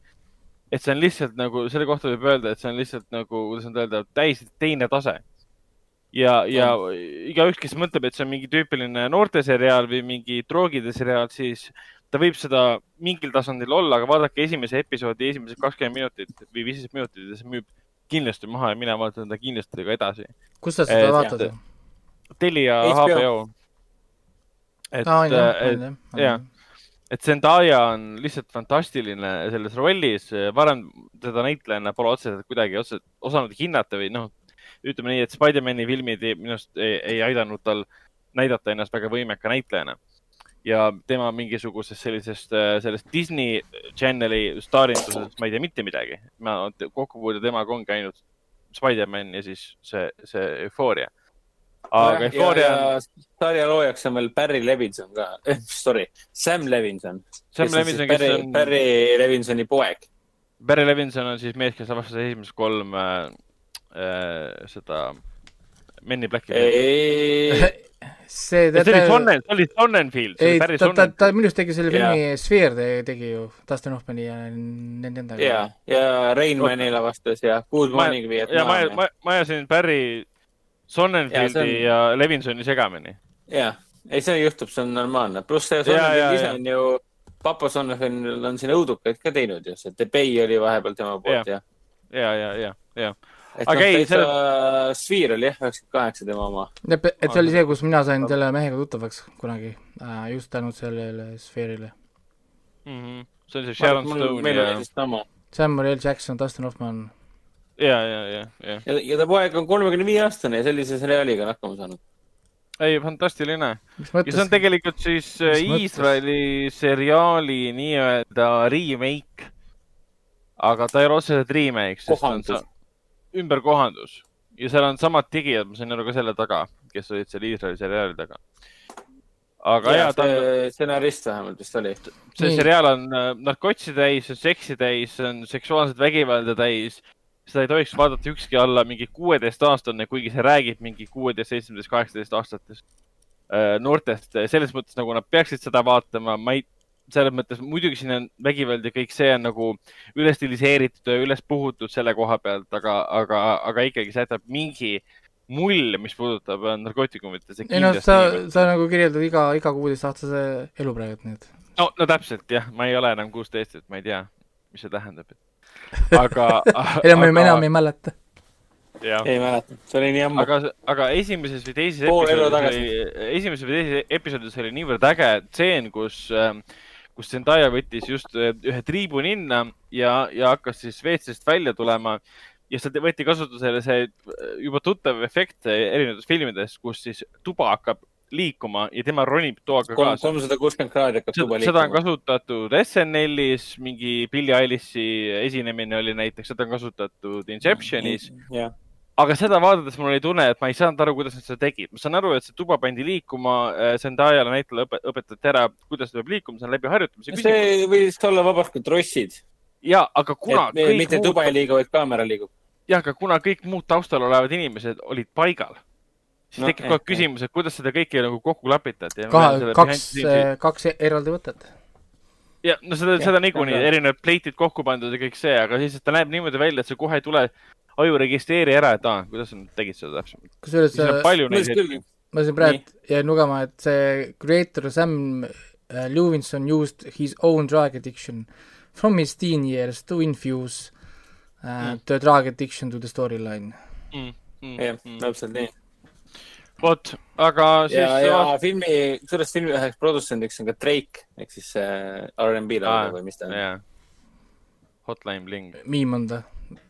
minu, minu seos äh, Drake'i muusikaga on see, et ma tean, et ta on meem ja Hotline Bling on mingi laul. Vot äh,, soovitan vaadata, vaatasin ka siis Hendriku soovitusel South Park'i kahekümne teist hooaega, mis on olemas siis äh, Netflixis, vaatasin esimesed kaks episoodi, see, mis oli siis äh,, teine episood oli preestritest ja esimene oli see, noh, kooli, kooli, kooli tulistamisest. ah,. see tõesti osa, need oli olid, Need geniaalne. olid tõesti head, lihtsalt teises, teises episoodis, et sul on, Vatikan saadab Kamsquadi kirikusse puhastama ja, ja neil on kõik vahendid kirikuid kaasas ja puhastama. lihtsalt nagu Ah, sa oli lihtsalt täiesti- mõtled, sul tahab nagu okse kurku tulla ja sa lihtsalt naerad selle üle, see on täiesti fant-, haigelt fantastiline, et nende teravus pole mitte kuskile kadunud, see on päris tore. Hmm. Hmm. ma kindlasti, kindlasti pean nüüd ringiga tagasi minema mingisse hetke, kui ta mul pooleli jäi, aga et soovitan tõesti. aga väga rõõmustav uudis on see, et The Terrori teine hooaeg on lõpuks saadaval Amazon eh, Prime video vahendusel. ta on seal tükk aega olemas olnud, lõpuks aga, aga ometi. kogu aeg oli silt, et see pole minu riigis saadaval. ma ei tea, miks nad üldse sinna panid selle siis nagu tiisida. hakkasin siis vaatama, Amazon Prime videos on praegu mingi kamm, ma ei ole teisi ah,, ma proovisin teise ka. Inglisekeelsed äh, subtiitrid ja üldse subtiitrid mõnikord ei lähe tööle. ma arvasin esialgu, et see on terrori teise hooaja tõttu, kuna see värskelt lisati, mingi glitch on seal. vaatasin ka teisi filme seriaale ei lähe tööle, automaatselt viskab off'ile või siis ei lähe üldse tööle, ma tegin kõik asjad läbi oota, aga ainult selles, ainult selles siis ikka jah? ei, ma proovisin teisi asju ka ja vahepeal ta nagu paranes ära siis eile ma vaatasin jälle viiendat episoodi, jälle kadus ära.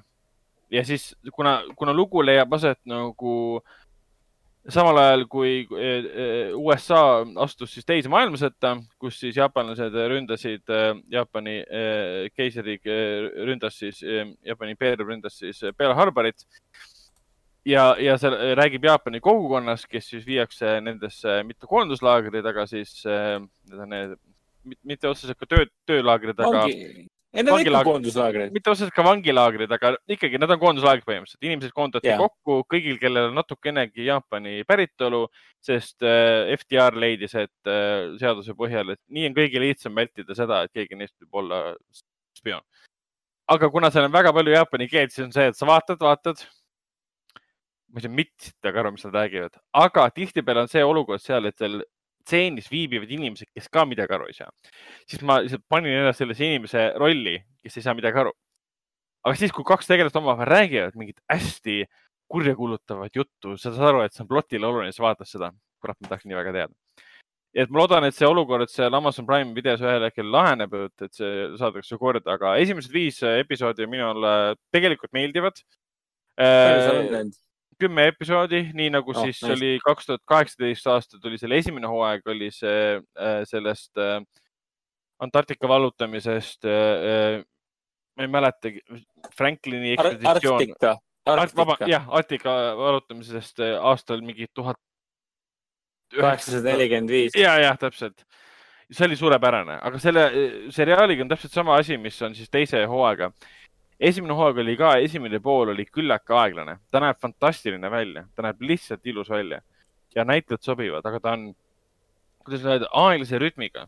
ta ei, ta ei eelda sinult seda, et eh, või, või ei paku sulle seda, et kohe viskab intriigi õhku, et haarad sellest kinni ja hakkad küsima endalt, mis siin toimub. ta pigem nagu laseb sul aeglaselt sisse astuda sellesse maailma. ja teine hooaeg on umbes samamoodi. aga ta on veits kiirendatud. Ja kuna esimene hooaeg põhines raamatul tegelikult, siis äh, see oli veel Dan Simmonsi raamatul, siis teine hooaeg otseselt raamatu nagu ei põhine, vaid erinevatel lihtsalt sellistel lugudel on see Jaapani siis äh, teispoolsuse mütoloogia, kummituse mütoloogiad ja siis on pandud sinna muidugi kokku Jaapani äh, kogukonna kohutavad üleelamised ameeriklaste koonduslaagritest, kus nad lasti vist lõplikult, viimane pandi kinni mingi kolm-neli, neli aastat hiljem isegi või. ja, aga kogu selle loo point on selles, et üks perekond äh, satub ka siis sinna koonduslaagrisse, aga nad avastavad, et miski eelitab nende perekonda. Äh, see on siis Jaapani selline, selline kummitus, äh, teemon, koletis, mis iganes erinevad nimetused, aga seal on selle nimeks siis Jurei ja ma ikka ütlen, mis see on, aga miski hellitab neid ja ma ei tea siiamaani, mis selle taga on miks äh, vaenab mingi Jaapani äh, äh, kujumuutjas koletis perekonna sellist. kujumuutja või mm.? väike, väike spoiler, väike, väike, väike spoiler, aga see pigem tekitab intriigi, miks ta neid vajab, seda ma ei tea. aga, aga sõda näeb ka ja, ja hea on, mulle meeldib, aga ma vaatan ta lõpuni, siis ma saan lõpliku, lõpliku hinnangu anda. ja esimene hooaeg oli küll, või noh, antoloogia seriaali esimene osa siis või? esimene hooaeg, see oli küll fantastiline, see Jared Leto, Jared Leto, Jared Harris äh, ja Sharon Hins, äh, nad olid täiesti fantastilised, täiesti crazy. see muidu äh,, kui Prime videoga mingi jama on, siis mul vahepeal ainult see, et ma telefonis login välja ennast, teen telefoni sellele äpile, teen update'i ära, siis kõik läheb fine jälle.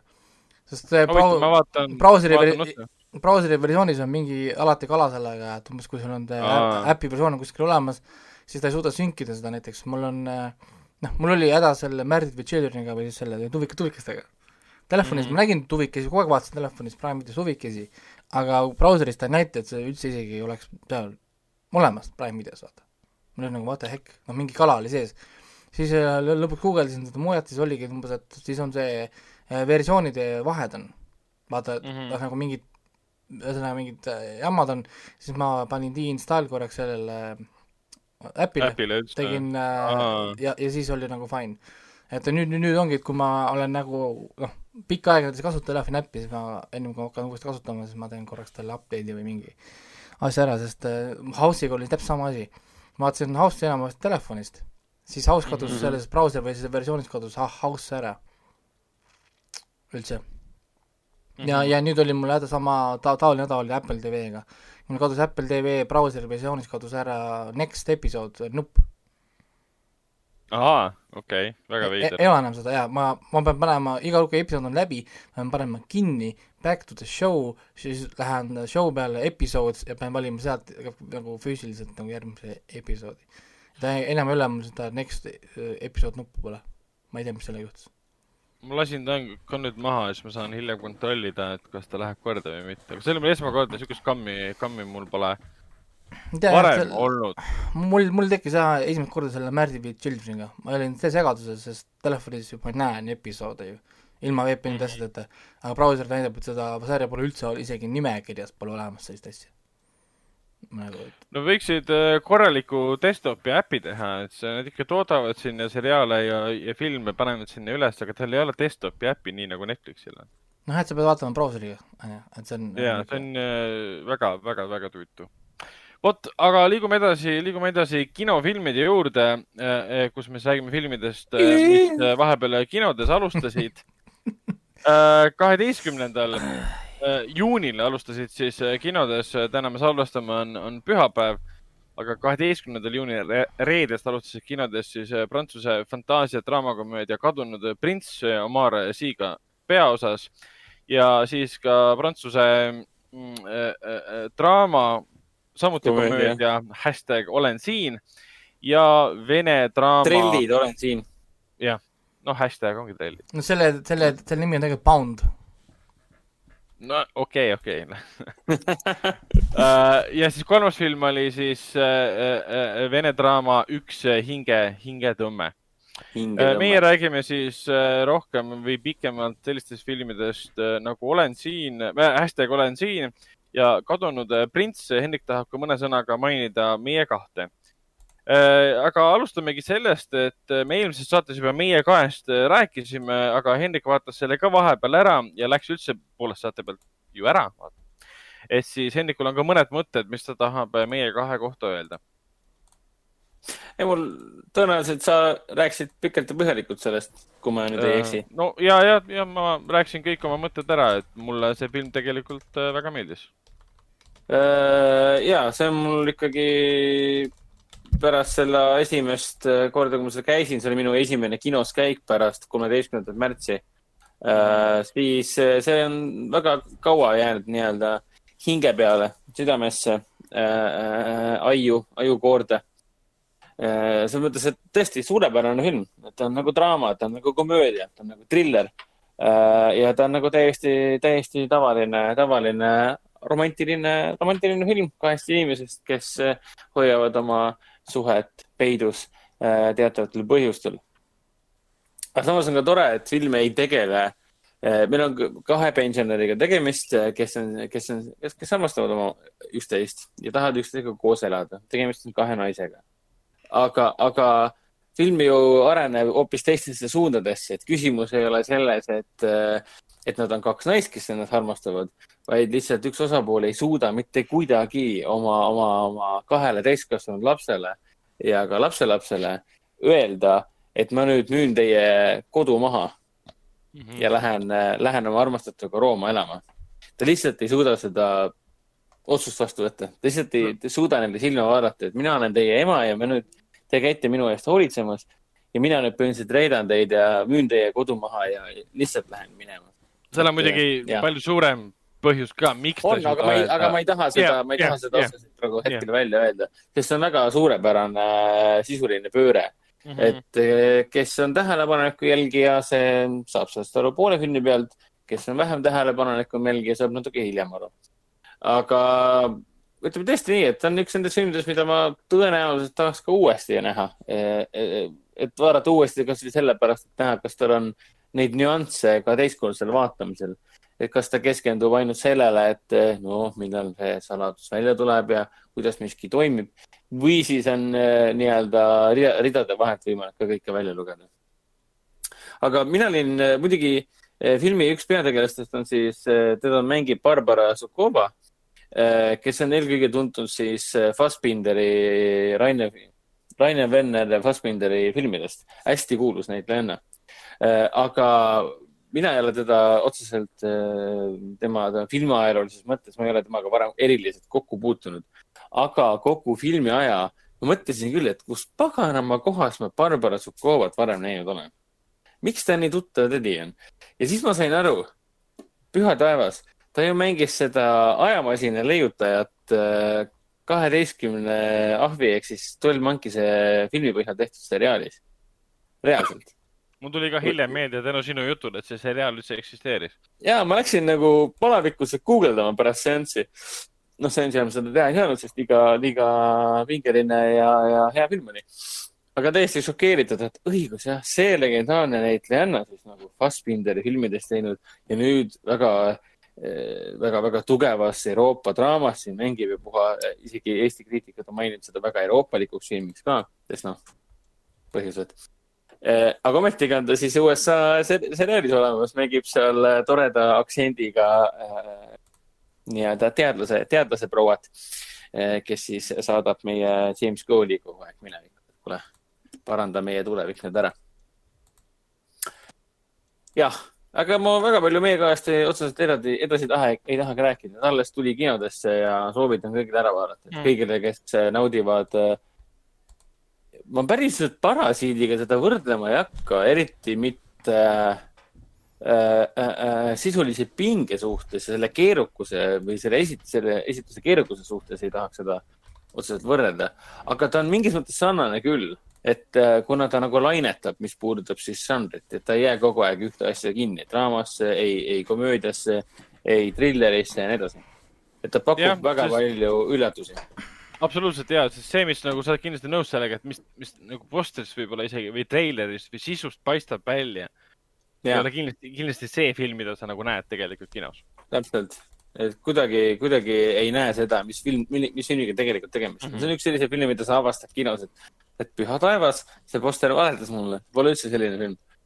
Aga räägime, räägime veel kahest Prantsuse filmist. hashtag olen siin ja kadunud, kadunud prints, mõlemad on tegelikult sellise komöödia äh, maiguga filmid, üks, üks rohkem draama, teine rohkem sellist fantaasiaelemente kasutav. Äh, aga räägi, mis asi on kadunud prints? Äh, kadunud prints on siis äh, Omar Sy, Eesti rahva lemmik, kõige lemmikuim äh, mustanahaline prantsuse näitleja Omar Sy. ta on siis Uganda päritolu.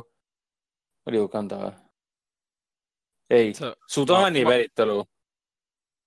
Sudaani, jaa, Sudaani päritolu.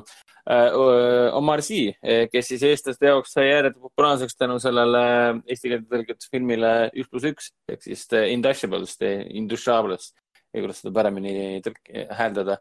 ja ta nüüd siin hiljuti ka tuli siin uuesti oma filmiga, mis tõlgiti eesti keelde Üks pluss üks on pere, mis on ka väga hästi kavalalt seostatud lihtsalt selle eelmise filmiga, millel pole, filmide vahel ei ole mitte mingit seost.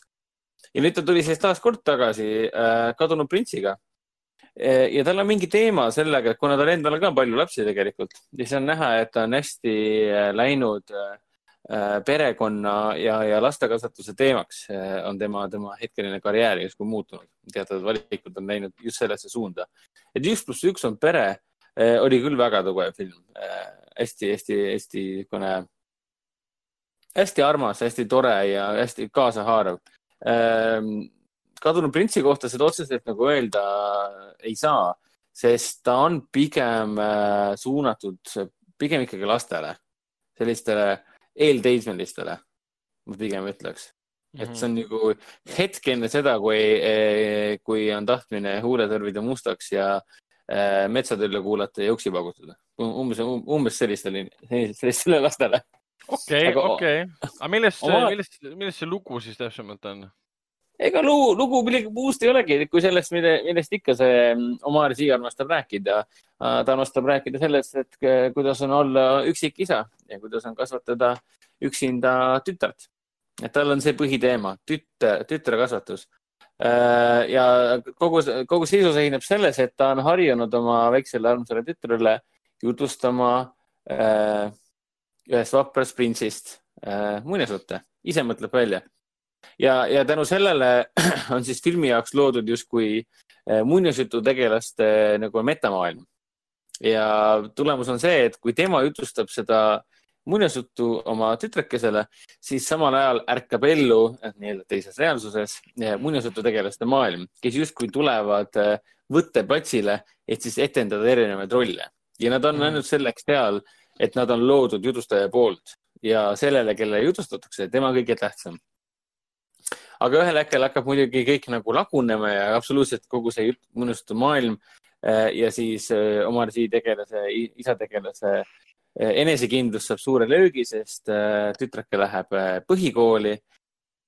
Ta nüüd on justkui, ta on küm-, ei, ta on üheteistaastane ta justkui astub suurte laste maailma ja ta hakkab äh, kardinaalselt muutuma, ehk siis teisisõnu, ta ei taha enam selle, sellist ninnu-nennu suhtumist, mis isa, isi on talle kogu aeg teinud mm. ja ehk siis isist peab saama isa ja nii edasi.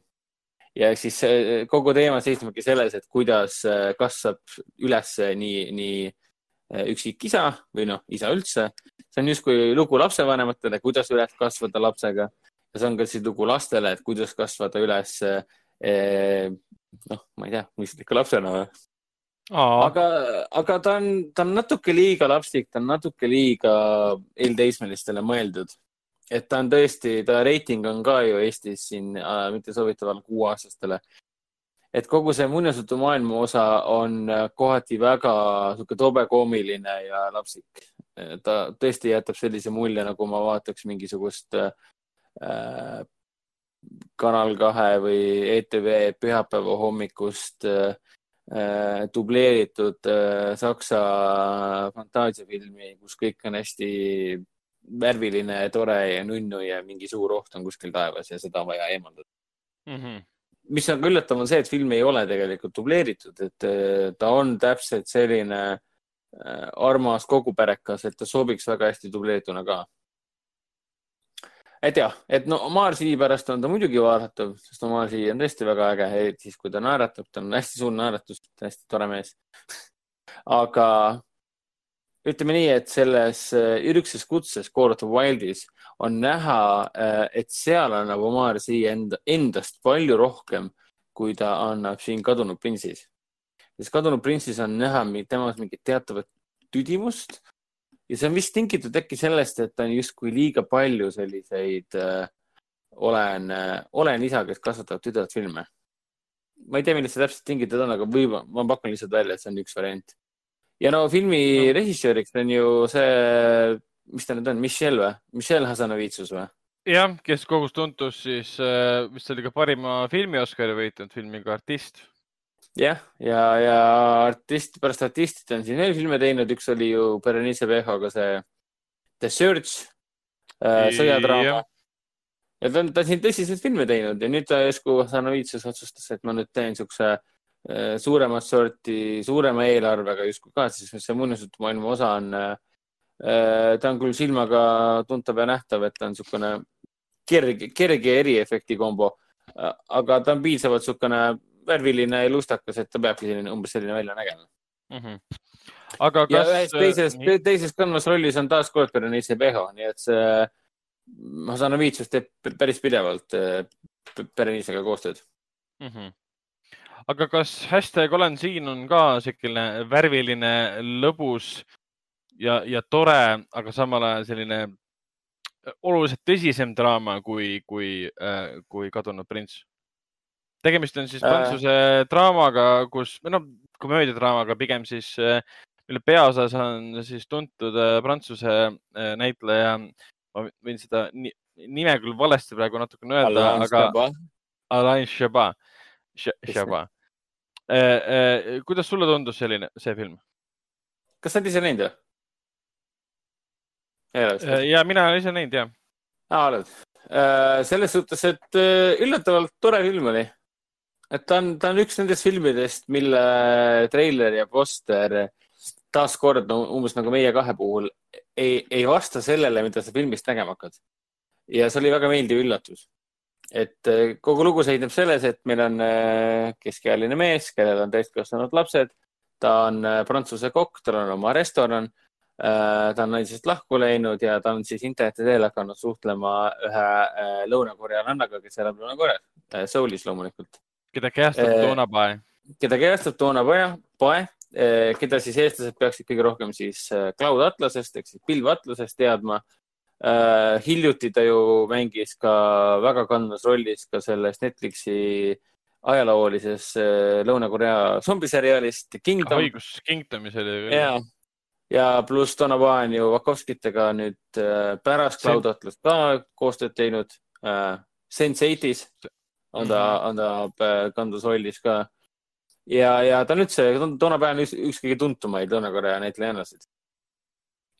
aga jah, et põhimõtteliselt ta siis tutvub Lõuna-Koreannaga ja ta ütleme niimoodi, et ta justkui vaimustub ja armub ära ja otsustab, et ta läheb talle siis Lõuna-Koreasse külla, teeb talle üllatuse nii-öelda.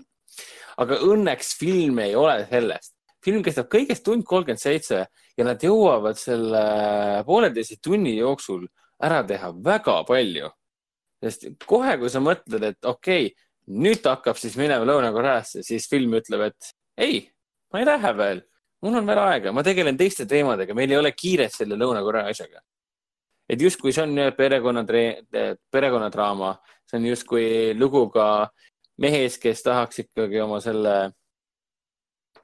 restorani ikkagi poegadele edasi anda, pojanaisele ja teistele edasi anda, et midagi on vaja seal muuta ka, kõik on justkui seisma jäänud, seal on üks hea nali ka, kus üks toidukriitik nimetab tema restorani äh, ei, oota, ta kirjeldab äh, tema restorani oma arvustuses niimoodi, et äh, kui te olete näinud filmi nimega Hiilgus, siis täpselt samasuguse kogemuse saate ka seal äh, restoranis, sest seal on, kõik on topiseid, loomatopiseid täis ja kõik näeb hästi äh, creepy välja, et armastusega pole seal midagi pistmist, kuigi restoran ise reklaamib ennast justkui äh, romantiline ajaviitmise koht ja nii edasi. Mm. -hmm et noh, nalja saab iseenesest palju, et kasvõi sellised äh, väiksed naljad, et ta korjab need äh,, tahab mõned need äh, topised äh,, erinevad kohalikud loomad siis tahab viia äh, müüki äh, kohalikule kogujale ja siis tuleb äh, kolleeg tuleb mööda ja küsib, et kuule, mis sa, kuhu sa nad viid, et ma viin loode varjupaika nad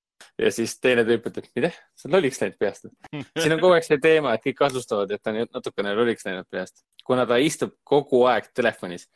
see on filmi üks põhiteema, kus ta istub kogu aeg nutitelefonis, suhtleb toona vaja tegelasega, saadab pilte kogu aeg. Äh, ja see on no. üks asi, mida väga kiidaksin ka filmi juures, et nad on selle väga kenasti ära lahendanud, et nad on kogu aeg kadreerinud niimoodi, et äh, oleks ruumi et tegelane on ühes nurgas ja tema kirjutab ja me samal ajal näeme külje pealt eh, kaamera kaadri teise nurka, vahet pole millisesse nurka, sõltuvalt, kus tegelane parasjagu seisab, tekib siis nii-öelda väike telefoniekraanikene ja me näeme, mis ta kirjutab ja mis pilte ta saadab. Samal ajal, kui kogu tegevust saab jätkata äh, nii-öelda tegelase enda poolt, kes samal ajal liigub edasi.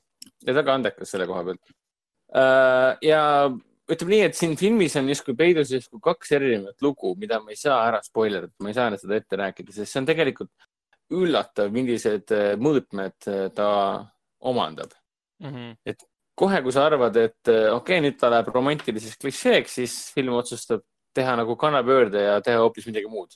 Et ja, ja lõpuks, kui ta jõuabki sinna romantilisse klišeesse, siis tuleb, tuleb nagu meeldetuletus, et jõu, et elu ei ole romantiline klišee, no võib öelda, et see hashtag, hashtag olen siin on mõnes mõttes sarnane meie kahele. selle ja. koha pealt, kui sa vaatad reklaammaterjali, sul jääb alati üks mulje sellest filmist. ja tegelikult on... hashtag olen siin hoopis teistsugune ja ta on tõesti, see Alan Chabat tõesti on väga sarmikas, ta on väga tore, see on hästi energiline ja Dono Pahest muidugi rääkimata. ja, ja hästi südamlik, niisugune armas, korralik komöödia. ütleme nii, et filmi üks kesksem, keskne osa, ootamatu osa, mida mina üldse ei ennustanudki, et filmis olema hakkab, on tegelikult väga-väga lõbus, et ta on kohati absurdne ja meenutab ühte teist kindlat filmi, aga ma ei saa seda filmi nimetust välja öelda, sest see taaskord reedab kogu filmi sisu ära. et kui tõesti on soovi näha, kui ei ole prantsuse filmides kopees, tahate näha niisugust südamlikku, kaasaarvat, äh, romantilist, aga samas sellist elujaatavat draamakomöödiat, siis hashtag olen siin on perfektne mm. -hmm. no sinu õnneks või kahjuks äh, siin lähiajal lähi tuleb äh, Kinno Artis film, mis ei ole väga lõbus ja elujaatav, aga ai, selle, selle, sellele vaatamata on väga hea. filmi ai, nimeks on Käimata teed ehk siis The Roads Not Taken, linastus ta siis Berliini filmifestivalil veebruaris, mis oligi üks viimaseid filmifestivale, mis toimus enne koroonakriisi saabumist.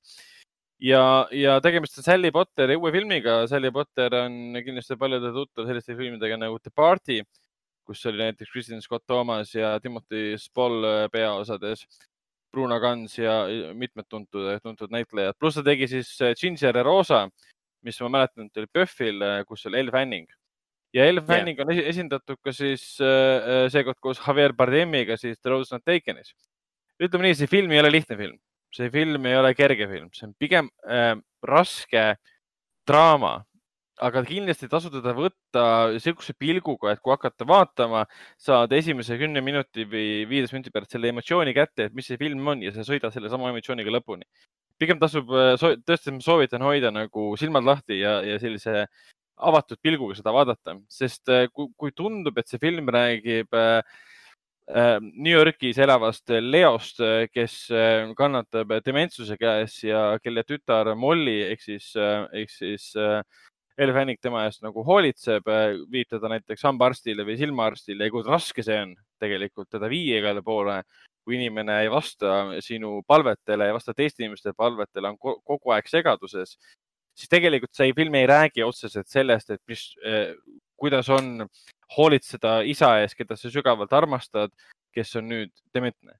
see film räägib äh, sõna otseses mõttes nagu, mis pealkiri ütleb ka eesti keeles, käimata teed ja ma olin nii üllatunud. Ja, ja ma natukene, natukene puhtalt sellepärast spoilerdan, mis ta, mis ta nagu on, et meelitada inimesi kinno, ma väga midagi konkreetset ei ütle.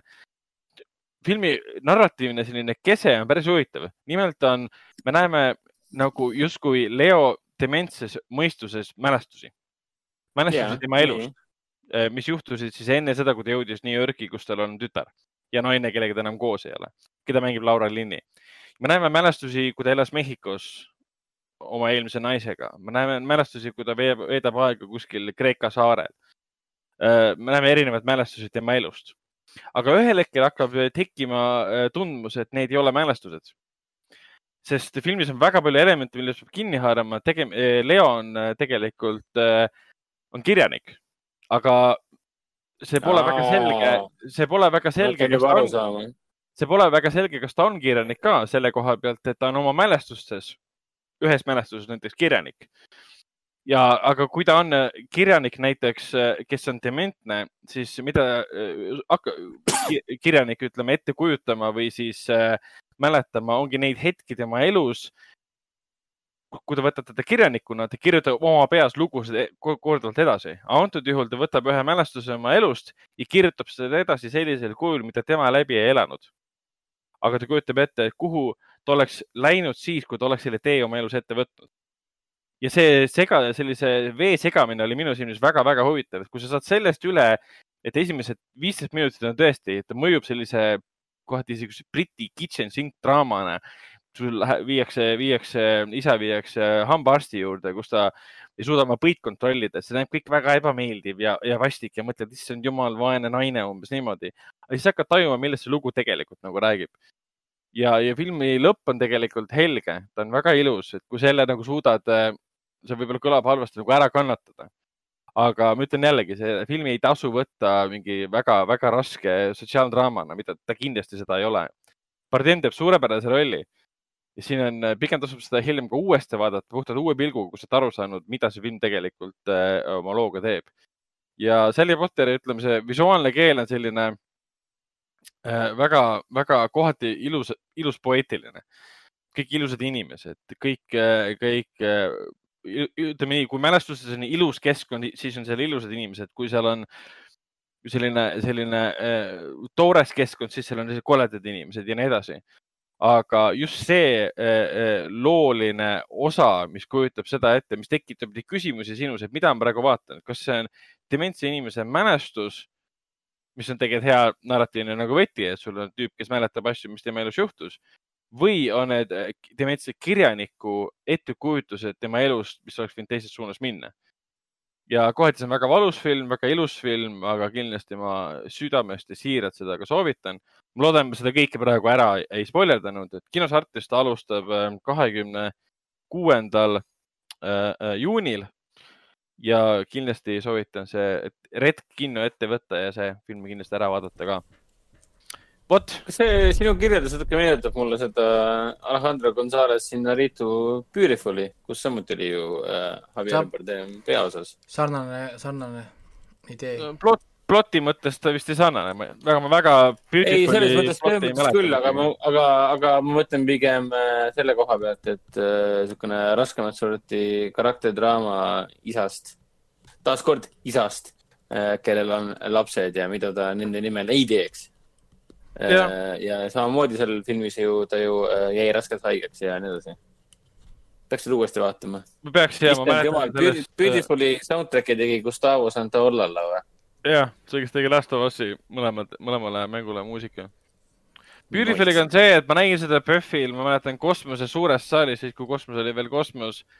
ja mäletan sellest filmist nagu avatseeni, mis oli väga ilus ja muud, mis seal nagu sündmustiku suhtes ma väga täpselt ei mäleta, mis seal enam oli.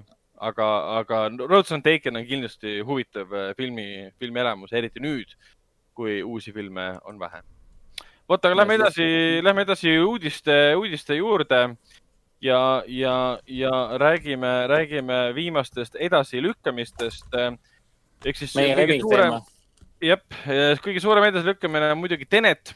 Tenet oli pikka, pikka, pikka aega hetkest, mil ta välja kuulutati, film öeldi, et tuleb seitsmeteistkümnendal juulil aastal kaks tuhat kakskümmend. Õnneks äh, tuleb ta siiski. nüüd ta oleks kolmekümne esimesel juulil aastal kaks tuhat kakskümmend üks ei, mine, mis asja, ära jama. see on sama kuu peal, kolmkümmend üks juuli aastal kaks tuhat, kaks tuhat kakskümmend. Äh, lihtsalt kaks nädalat lükati film edasi. Äh, vaatame, kas see kaks nädalat jääb püsima. praegu on küll nagu viimane hetk, et sama hästi nad oleks võinud kuu või kaks edasi lükata. sest näiteks äh, siin Wonder Woman, mis pidi esialgu neljateistkümnendal augustil, selle järgse Wonder Woman tuhat üheksasada kaheksakümmend neli, pidi alustama neljateistkümnendal augustil, see lükati teise oktoobri peale see on küll veits pettumus, aga ma saan aru ka, et sul mingi kaks nädalat vahet yeah.. Pole mõtet, sama stuudiofilmid ka, et noh. aga veits on nagu pettumus, oleks võinud kasvõi, no okei okay, jah, jah. Pole midagi teha lihtsalt. kino et..., kinosuvi jääb lihtsalt nagu väga lahjaks. mitte no, kino, kino nojah ja, täpselt, see on Teneti suvi lihtsalt, noh, midagi muud ei olegi vaadata. aga, aga kui me räägime, kui me räägime siin juunist, juulist, augustist, siis selle su kolme suvekuu esimene blockbuster ongi siis äh, kahekümne neljandal juunil äh, Disney Mulan. Disney yeah. pole seda veel edasi lükanud, aga ta on vahepeal juba korra edasi lükatud, kui ma ei eksi. no siis ta pidi olema ju, ennem pidi, Mulan pidi tulema juba siis, kui me. ta oli, mai, ei, ta oli märtsis ennem ju. Ta oli siis, kui, kui koroona keset, keset sõda oli ju otseselt tulema. täpselt, ta oli, ta oli märtsi lõpufilm. sest need, ma, need esimesed artiklid, mis ma tegin selle koroona kohta sealt Hiinast ju olid ju nii, need pildid Mulani pressieventidelt, kus mitte kedagi ei olnud, sest kõik olid keelatud ära. see oli Aa, mingisugune suur see kaubamaja, mingi Hiina suur kaubamaja, mingi pressievent oli Mulanil. siis keegi tuli kohale, sest rahvast ei lubatud äh, liikuma jah, tal oli üheksandal märtsil oli Hollywoodis esikas ära, pidi linastama kakskümmend seitse märtsi, siis see jäi ära. ja siis kakskümmend neli juuli on siis nii-öelda ametlik selle suve, selle koroonaviirusest puretud suve ähm, blockbusterite algus. pärast seda tuleb siis Tenet ja, ja mis sinna mul on sulle ainult üks sõna. Tenet äh,. edasilükkamisest räägime veel, Matrix neli mida lavastab üks nendest uh! Vakovski õdedest. Nad on nüüd õed. praegu on õed. et see film ei, Matrix neli ei tule enam järgmise aasta kahekümne esimesel mail, vaid ta tuleb hoopis ülejärgmise aasta esimesel aprillil. ja põhjus tegelikult Aa. on väga lihtne. Matrixi. oota, mida perset? aa, no mõni ime ka. oota, aga kas siis John Wick kolm tuleb, ei, oota neli või? John Wick neli. neli kas Nurmik neli tuleb siis aastast kaks tuhat, kaks tuhat kakskümmend kaks tagasi kaks tuhat üks peale või? Uh, ei, ma ei usu, ma ei usu. John Wick lükati ka edasi. esialgu, esialgu pidi John Wick neli linastuma samal ajal kui Matrix neli, mis on naeruväärne. siis Lana. lükati John Wick edasi ja nüüd lükati Matrix edasi, aga Matrix lükati sellepärast oh, puhtalt edasi, et tema võtted lihtsalt olid pausil mingi kolm kuud põhimõtteliselt. no,. Nad alles nüüd äh, lähevad tagasi võtetesse, nad ei jõua lihtsalt filmi valmis. pluss isegi kui nad jõuavad õigel ajal filmi valmis, nii-öelda maikuuks nad ei saa, aga lihtsalt Warner Brothersil ei ole kuskil rohkem ruumi, kuhu filmi panna. ja Warner Brothers lükkas edasi siis ka äh, Godzilla versus King Kongi filmi, mis pidi alustama siis ähm, kahekümnendal novembril. aga tuleb nüüd siis kahekümne esimesel mail. see on veits äh, kurb, sest no aasta lõpp, lõpupoole, midagi väga hullu ei ole meil siin, augustis peaks ju veel uued mutandid tulema ja Monster Hunter äh, Paul Veest, Andersoni film ja oi jumal. kas minu meelest Conjuring kolm, issand jumal, aga sellest pole mitte midagi kuulda olnud ju. ma küll väga kahtlen, et, see peaks nüüd sügisel välja tulema. Õnneks meil on veel Kingsman siin ka, et no miks ma seda praegu rääkima hakkasin, ongi see, et kui nüüd läheb äh, King, Godzilla versus Kong oli ikkagi suur film, et kahju, et see nüüd lännu on. aga vähemalt meil siin sügisel on ju Kingsman ja Wonder Woman ja äh, võib-olla peaks siis Surm Niilusel ka ikka paigale jääma, ehk siis selle mõrvida No, no, järg nii-öelda. see vist noh, vist on praegu alles sama kuupäeva peal. ja kui Kong on läinud, siis ongi aasta lõpu suurim film on siis äh, äh, Black Widow ja, ja Free Guy ja Dune. aa, Dune on kindlasti siis äh, aasta teise poole või noh, me oleme juba teisel pool äh,, põhimõtteliselt on siis äh, sügisperioodi kõige võimsam film koos talvega. no aasta lõpus tulebki reaalselt ja novembrist alates nagu metsik kogus äh, suuri filme. Black Widow, enne kui nad muidugi hakkavad edasi liikuma, aga meil on Black Widow ehk siis Must Lesk äh,. meil on siin see äh, Ryan Reynoldsi Free Guy ehk siis Vaba mees, meil on, meil on Dune ja meil on West Side Story ja meil on Top Gun Maverick ka ju. Täielik crazy's, mis siis saama hakkab Mm. Aga no- suvel pidi linastuma ka Tom Hanks'i uus, uus äh, ajalooline draama, action film äh, Greyhound, Greyhound. mis esialgu pidi linastuma siis märtsis, siis lükati edasi maikuusse, lükati edasi juunisse, aga siis tuli Apple TV äh, pluss vahele ja äh, nüüd linastub film hoopis seal ja alustab juba kümnendal juulil. parseldas maha, jah. See Apple, noh, Apple ostis seitsmekümne miljoniga väidetavalt äh, filmiõigused ära, filmi näidata. arvestades, et filmi eelarve on viiskümmend miljonit äh, pluss siis äh, promotional materjalid, siis, siis on päris hea diil.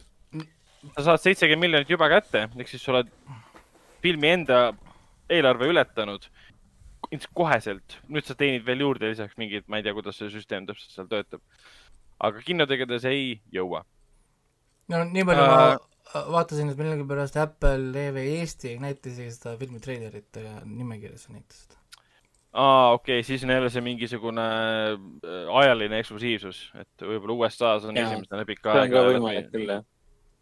see on veits see äh, Mythic Quest tuli nädal aega hiljem äh, meile kui Ameerikasse. mhm.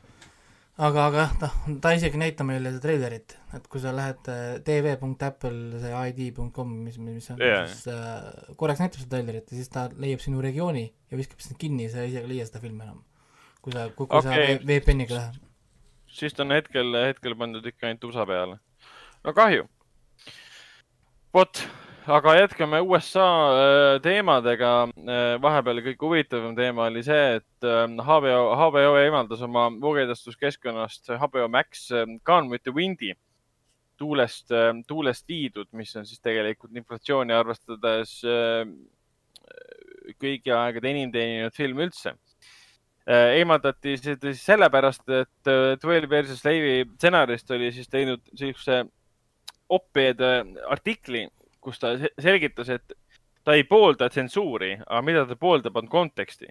aga, mul, ehk siis äh, klassikaline aga argument, et äh, kui keegi ei tea, siis aga argument on alati vastand sellele, mis sa ütled, eks, kui sa näiteks ütled, ma ei ole rassist, aga siis see aga kustutab ära selle esimese väljendi, mis sa ütlesid, ehk siis mis iganes sa nüüd järgi ütled, on täpselt see, mida sa ütlesid, et ma ei ole teadlane, aga mida iganes No sa jah, nüüd kohe ütled, sa ütled täiesti midagi idiootlikku, ehk siis ma, kui sa ma, ütled, ma ei poolda tsensuuri, aga, aga ehk siis sa aga- tegelikult pooldad tsensuuri, sest sa nüüd tahad tsen-, midagi tsensuurida, ehk siis mm, äh, noh, iga kui keegi teeb mingi aga argumendi, ma kaotan kohe huvi hu,, huvi ära. ehk siis aga noh, HBO võttis sellest artiklist igatahes äh, kohe kinni ja võttis siis filmi oma keskkonnas igalt poolt maha, mis muidugi tekitas olukorra, kus äh, väga palju hakkasid sellest kirjutama hakati Amazonis väga palju filme ostma, filme hakati väga palju piraatima, ma käisin vahepeal piraatfilmide keskkondades ja nende eh, edetabeli tipus on Gone with the Wind praegu. sest ma arvan, et see eh, tõusis kasvõi sellepärast, et ma väga, väga paljudel on see film nägemata. kellel pole õrna aimugi, mis filmist isegi räägiti. et mina nägin selle filmi alles esimest korda vist eelmisel aastal ära või? mina, mina vaatasin ju- ka lapsena mingi hetk, meil oli see No. VHS kassetiga olemas. no ja vaata, mina, mina ei sattunud lapsena vaatama. Aga tegelikult noh, millest see film räägib, see on ju, on ju Ameerika kodusõja ajal ja räägib siis äh, põhimõtteliselt äh, orjapidajate, võib öelda orjapidajate siis äh, vaatevinklist, rikaste inimeste vaatevinklist, kuidas nende elud hävinesid tänu kodusõjale.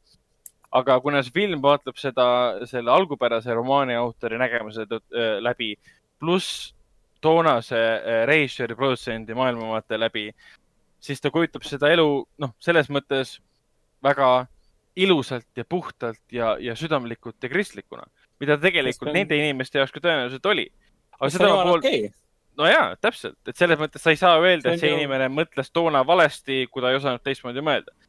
ei no see on aga..., see on, ei, see on null, see on, ma lähen igatpidi selle vastu. taga, tagantjärgi ja... kellegi mõtlemismuuterid, mis puudutab kunstiteosed. ja juba ainuüksi sellepärast, et HBO Max selle maha võttis, mina HBO Max ei telli, mina, mina piran neid ja ma isegi olen nõus jagama, et inimesed piraksid seda nende stuff'i, sest äh, sorry nagu ma ma kujutan ette, et sellele asjale oleks olnud palju parem lahendus olla, sa ei pea ju filmi maha võtma, et panna see... sinna disclaimer'it juurde. ja tegelikult okay. nad, nad ütlesid välja Ama, ka, et Ama, võtsid... Amazonis on ju kogu aeg olemas disclaimer'id yeah. või noh, need aga..., äh, kuidas need nimetatakse seal, sa saad lisainfot. jah, aga HBO ütles kohe, kui nad filmi maha võtsid, et nad panevad ta tagasi disclaimer'iga.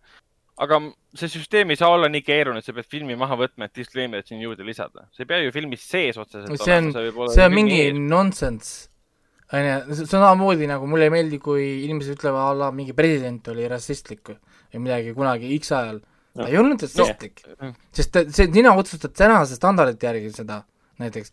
kui mina lähen alla ka kakskümmend aastat hiljem, keegi ütleb tagasi, et minu artikkel oli mingisugune, ma ei tea, mis iganes uus väljend, mis on kunagi hiljem välja mõeldud, siis ei ole, sellepärast et sellist definitsiooni sel ajal ei eksisteerinud. onju, no täpselt. et, et kui inimene käitub nii, nagu normaalne inimene sel ajal käitus ilma midagi halvasti tegemata, siis see noh, sa ei saa teda defineerida tänapäeva standardite järgi. sama kehtib ka filmide asjade kohta. nojah, ja Lovecrafti ka näiteks praegu tehakse maha, mis, et tema tekstides on palju rassistlikke äh, noote ja väga ilmselgeid kirjeldusi ja tekste. Aga mina teda selles ei süüdista. tüüp suri, sündis tuhat üheksasada, oota, ma vaatan üle. no tuhat kaheksasada üheksakümmend sündis. ja mida sa ootad Rhode Islandil terve elu elanud inimeselt, kes elas Ameerikas sellel ajal? ta ei, noh, selles mõttes see oli normaalsus olla. ei no see on, see on sama, võta, võta mõni räpplugu praegu. mit-, mitu no. korda nad äh, sõnad otseselt lasevad valgete peale. kas me eemaldame need ära või? Mm. jah, me paneme kinni no, kõik. kas me paneme need kinni või? mit-, mitu korda nad ütle, üt-, ütlevad seal nigasid ja asju seal, eemaldame nad ära või? ei eemalda ära, siis see on kultuuriliselt äh, oluline, tal on mingisugune kultuuriline tähendus, on kõik nagu, ehk siis nagu las nad olla nagu, ja, nagu väga tä-, väga tähtis on pakkuda konteksti, see kontekst on tegelikult kõige olulisem asi meie maailmas üldse. et noh. sa ei, sa ei saa, sa ei et... saa nagu informatsiooni õieti kätte, kui sul konteksti no, pole hästi lihtne mingisugust juppega ette saada me, jääda uskuma. me, me jõuame varsti juba sinna. vaktsiinid tekitavad autismi ja nii edasi. me jõuamegi varsti sinna kohta, kus sa ei saa isegi teha dokumentaalfilmi näiteks äh, mustanahaliste ajaloost. sest ta, sest ta ei saa öelda sõnu. sa ei saa teha seda enam, sest see võetakse maha ehk siis sa ei saa enam ajalugu rääkida, aga ilma ajalugu õppimata, mis siis juhtub? kõik, ajalugu ei tunne, kordavad seda. täpselt, kõik peab jääma nii, nagu ta on, nii nagu on tehtud. see on, see on, kõik, kõik on, see on täiesti absurd, mingi, mingid inimesed võtavad siin mingit ma ei tea, kujusid ja asju maha, nüüd hakatakse filme kuigi... maha võtma ja asju, see ei, see on täiesti konteksti väline, see kuigi, on täiesti see... absurdne kuigi see paanika, mis sellest kõigest tekkis, andke andeks, aga see oli küll naeruväärt. tasuta promo ka veel kuradi peale selle veel. see oli no,, jaa, see tasuta promo ju Amazonile, kõikidele teistele striimingu või DVD müügi, äh, müügiteenustele.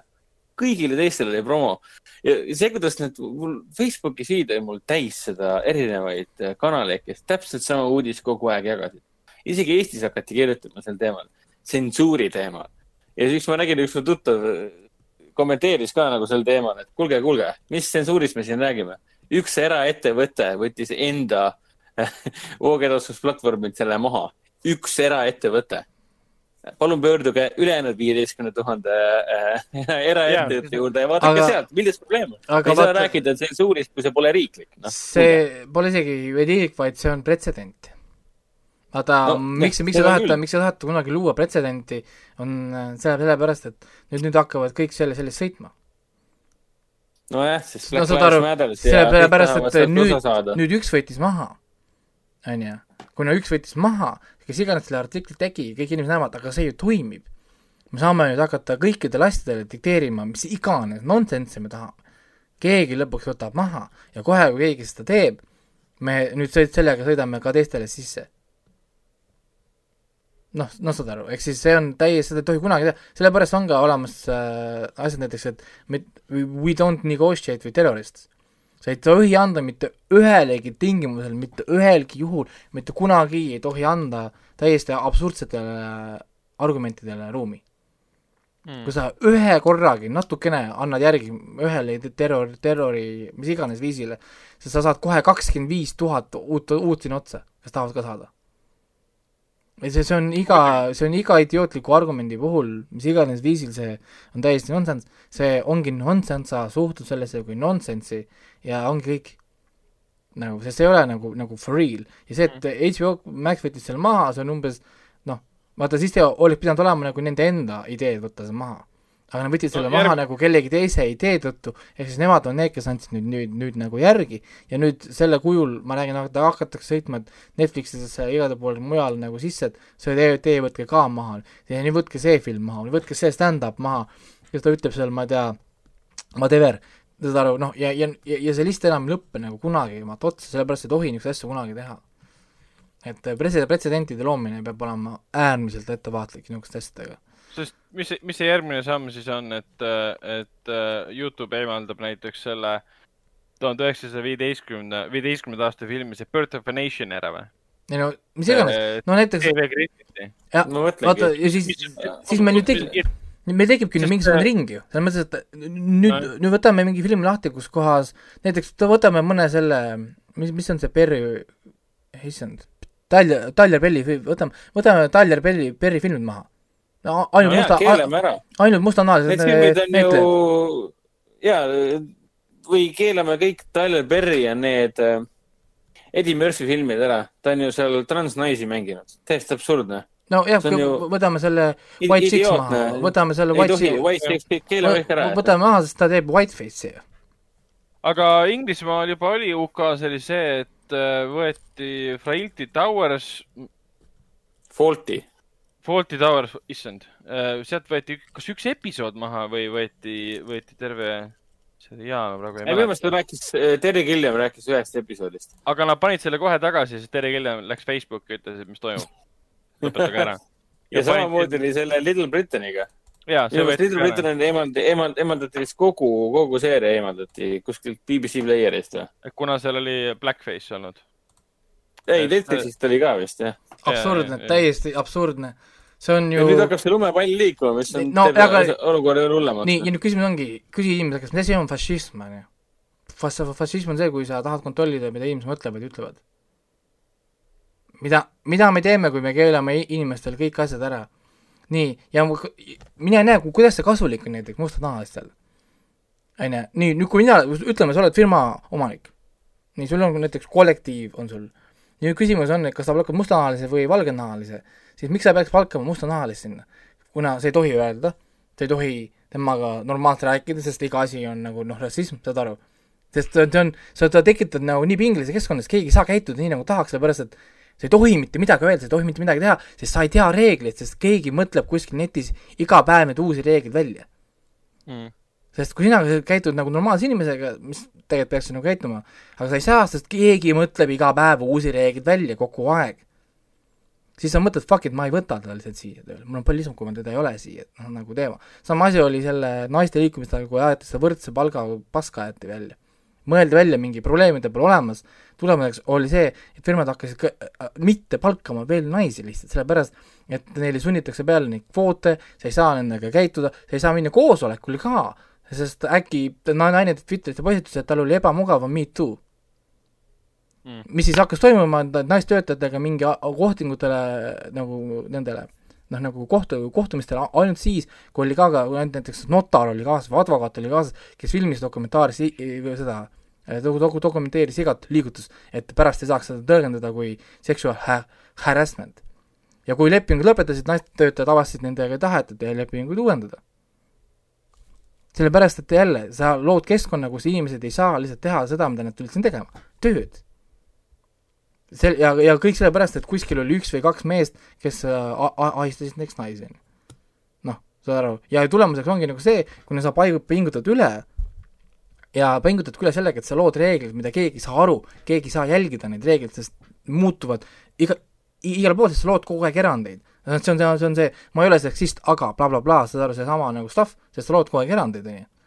siis lihtsalt ei taheta lõpuks nagu noh, lihtsalt, lihtsalt nagu lõigatakse välja sind lihtsalt sellest pildist. kuna ma ei saa aru, kuidas sinuga tegeleda, me lihtsalt lõikame sind välja.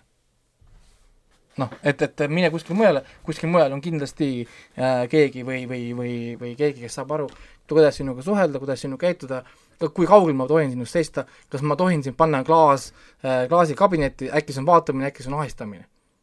Ma ei tea, sest täna see pole ahistamine, aga homme keegi Twitteris kirjutab, et see on naistöötajateks ahistav, kui neil on kui ne-, kui, kui, kui neid saab vaadata töö, töö, töö tegemise ajal, siis nad tunnevad, et nad on nagu mingi objektid. mina ei tea seda ju, keegi ei tea seda. noh, ma siis, ma lihtsalt ei võta siia keskkonda siis. et no, mul on, see on, see on nii väsitav nagu selles mõttes see noh, absurdi teema nagu, et, et nagu noh, see on see asi, mida ma, mida ma kogu aeg räägin, et ringloogika, ma, noh, matemaatikas tähendab alati seda, kui sa jõuad mis iganes viisil circular logic, noh nagu ringloogikasse, siis probleem on kas valesti sõnastatud või sa lahendad valet probleemi. kui sa jõuad ringloogikasse, kus kohas nagu sa jääd lõputusse nagu tsüklisse, siis tähendab seda, et sa probleem valesti sõnastatud või sa tegeled vale asjaga. täiesti absurdne ei no sellega ma olen nõus, et, et nagu eemaldada ei ole mõtet, ära keelata pole mõtet, aga et panna mingid selgitused juurde, selgitada, mis toimus minevikus, kuidas me nüüd erineme, mis iganes, kõik siuksed asjad on väga teretulnud, jumala eest, miks mitte selgitada konteksti mingitel filmidel, kui keegi vaatab mingi kunagist filmi, hakkab sellest solvuma, enne kui ta jõuab sellest solvuda, vaatab selgitavat teksti filmi juures, et kes lõi selle, mis see on, aa, okei okay,, nüüd ma tean et selles no, mõttes, et seal... Äh, selgitada, minevikku tuleb selgitada, mitte ära keelata. see, on, see ei tähenda seal, seda juhtunud. seal põhimõtteliselt ainuke selgitus, mida sinna võiks ka panna, ongi see, et umbes BS, et some viewers might find it uh, offensive because times have changed umbes no.. ja see ongi ainukene umbes lause, mida võiks panna, sest sa võid panna sama asi, mida sa paned õudusfilmidele või, või umbes, et uh, ma ei tea, et osadele vaatajatele on see liiga verine või midagi, et siis, siis sa tead. kas midagi sellist, kas midagi sellist juba ei tehtud Disney plussis või? Disney võtti, võtti, võtti lihtsalt, lihtsalt maha need asjad endale. ei, ei, Disney, oota, keegi tegi seda, pani sinna teksti juurde, oli vist Disney plussi vanade animatsioonidega või midagi taolist. Tumbole. ta vist võttis maha. Tumbole oli see teema. aa, sa mõtled neid äh, väga veidralt rassistlikke äh, animatsioone, mis neil on äh,? ei, neid äh, Song of the South'i näiteks sinna ei pandudki, sest no ah, okay. see on naeruväärne aga ei, aga minu meelest Tumbole pandi reaalselt juurde äh, nagu kontekstipõhine tekst. et muidu, kui sa hakkad seda vaatama, et noh, Tumbo tuleb ju sõnast tamb ehk siis loll ja väike, ütleme nii, et normaalsusest erinev äh, elevant ehk siis suured kõrvad, teda nimetatakse tumboks ehk siis sa oled erinev, järelikult sa oled loll ja nii edasi. et seda nagu selgitati sinna kõrvale justkui lapsevanematele ja lastele Mm -hmm. ma ei ole päris kindel, kas nüüd on ta maha võetud või mitte, noh, küsimus ei ole. see, mina üldiselt jah, pooldan, noh, pooldan, et kõik me saaksime öelda, mida me iganes me tahame, mis iganes kujul. ma räägin, et, et freedom of speech, sellepärast ma ei takista kunagi neid äh, antivaktsiini jutte, ei lammeda oma jutte ka. sa võid seda öelda. aga mina võin sulle öelda, et sa oled siis idioot. sest sa ütled täiesti nonsensi.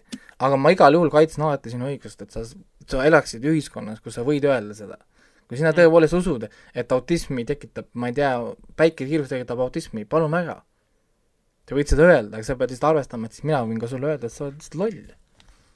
noh, aga, aga ma räägin, et ma ei, noh, mul sellist asja ei tohi kunagi olla, et, et, et me hakkame nagu inimestele ütlema, et mida nad tohivad öelda, mida nad ei tohi öelda. noh, saad aru, see on täiesti ap-, noh, nagu nonsense lihtsalt, see on noh, seal ei ole piiri, ühe korra hakkad kuskilt pihta hakkama, see lihtsalt on lõputu list lihtsalt, mitte keegi ei suuda enam pärast jälgida. noh mm., no ei saa olla, see on ka sama põhjus, miks näiteks mina neid Vatšovki vendasid ei nimeta õdedeks. niikaua, kui nad ei too mulle vereproovi, kus nendel on XX kromosoomid, nemad on fucking vennad. ainuke asi, mis nad teevad, kui nad muudavad oma nime, mina nimetan neid ametliku nime järgi, on see siis Kristal või ka Katariina, mul jumalast suva. aga sealt edasi temal kaob õigus ära dikteerida minule, mida mina ütlen.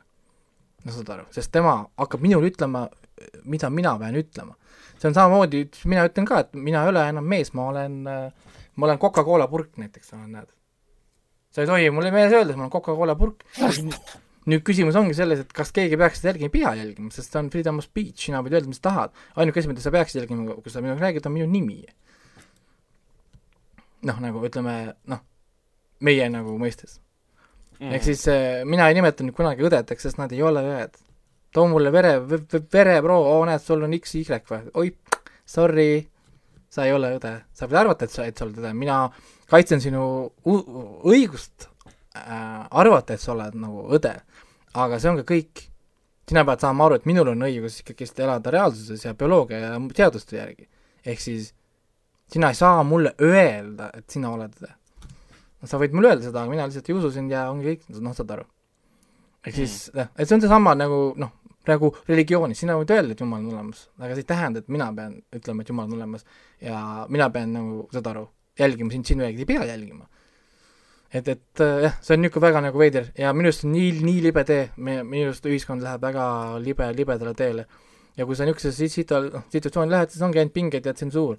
lõpuks ongi küsimus, kas sa saad üldse anda välja ühtegi toodet või ühtegi content'i, ilma et oleks keegi kuskilt, kes leiaks, et see on üks nendest ismidest, mida iga päev juurde mõeldakse? nojah, loodame, et siin homme ei tule teadet, et ma ei tea, mis see oli, see Martin Lawrence'i see Big Mama's House keelatakse ära, sest äh, miks mitte? ta mängis, äh, mängis vanemat, vanemat daami. aga liigume, liigume edasi. Äh, me vahepeal, kui me rääkisime kuupäevadest, ei maininud seda, vähemalt mina ei maininud seda, et James Bondi, James Bondi film, mis see aasta tuleb ikkagi välja mis pidi suvel, suvel linastuma, siis esialgu oli juuli vist äh,. lükati siis novembri peale, No time to die. mis see eestikeelne pealkiri nüüd oli? Pole aega suremiseks või? surm, surm peab ootama. jah, surm peab ootama, null seitse, surm peab ootama. see lükati edasi, tähendab mitte edasi, vaid tagasi viis päeva. ehk siis äh, muu maailma kinodes tulete välja kahekümne viiendal novembril, aga USA-s tulete välja kahekümnendal novembril et vahelduseks selline uudis, et film ei tule mitte hiljem, vaid hoopis varem kinodesse. Äh, räägime korraks ka Eesti filmist, nimelt siin augustis, septembrini välja toimub siis äh, Fantaasia filmifestival, mille ametlik täispikk äh, nimi ongi The Fantasia Film Festival, mis on tegelikult Ameerika üks suurimaid žanrikinofestivale ja siin kuulutati välja esimesed filmid, mis sinna jõudsid, seal on näiteks Neil Marshalli, kes siis tegi ka, tegi ka Doomsday Dog Soldiersi ja viimase Hellboy filmi uus film. ja lavastas ka päris palju episoode seal Troonide mängus ka. jah, aga sinna jõudis ka siis äh, Oskar Lehemaa ja Mikk, äh, Mikk Mäe, Mikk Mägi äh, film, film Vanamehe mis on väga äge uudis, mulle meeldib see, et seda nimetatakse, üks, üks veebisait nimetab seda filmi Country Pumpkin Shock Comedy. kuidas? Country Pumpkin Shock Comedy. ah, nice. seda ta ongi enam-vähem Pumpkin kui selline filmis ei ah,. see on vist mingi ameeriklaste värk või? Pumpkin on uh, unsophisticated or socially awkward person from the countryside. okei okay,, nüüd ma olen targem ah, see on see tai-, Tiger Kingi teema, et see, mis oli, mis see, kuidas sa kirjeldasidki Tiger Kingi venna? Uh, Bumfuck Oklahoma või midagi. jah, täpselt, Bumfuck Oklahoma, et. issand, see, see, see, see on ju ka endiselt vangis veel ju, ootab jah ja., ja nüüd. ja nüüd ta äh, ju kaotas oma loomaaia ära või? Carol Baskinile see Steve Lowe või mis ta nimi on, läks minema sealt äh, ja ütles, et selle ala peale on maetud päris mitu laipa, et otsige need üles, et äh, tal on sellest kõigest ükskõik. aga lähme edasi okay., lähme edasi okei, siis selge vist. Lähme edasi, räägime, räägime uuesti Last of Us'ist. nimelt Last of Us on siis videomäng, mille esimene osa sündis aastal kaks tuhat kolmteist või noh, mitte sündinud, vaid. Äh, anti välja. jah, ja teine osa tuleb nüüd üheksateistkümnendal, üheksateistkümnendal juunil. samal ajal hakkas, võttis HBO endale selle ülesande teha sellest Last of Us'ist siis ka seriaal. ja kõige huvitavam selle asja juures on see, isegi mitte see, et me ei tea, kes on näitlejad siiamaani, me teame seda, kes seda haldavad. Ja vähemalt. mis on kõige tähtsam, mis on kõige tähtsam? jep, ma olen nõus.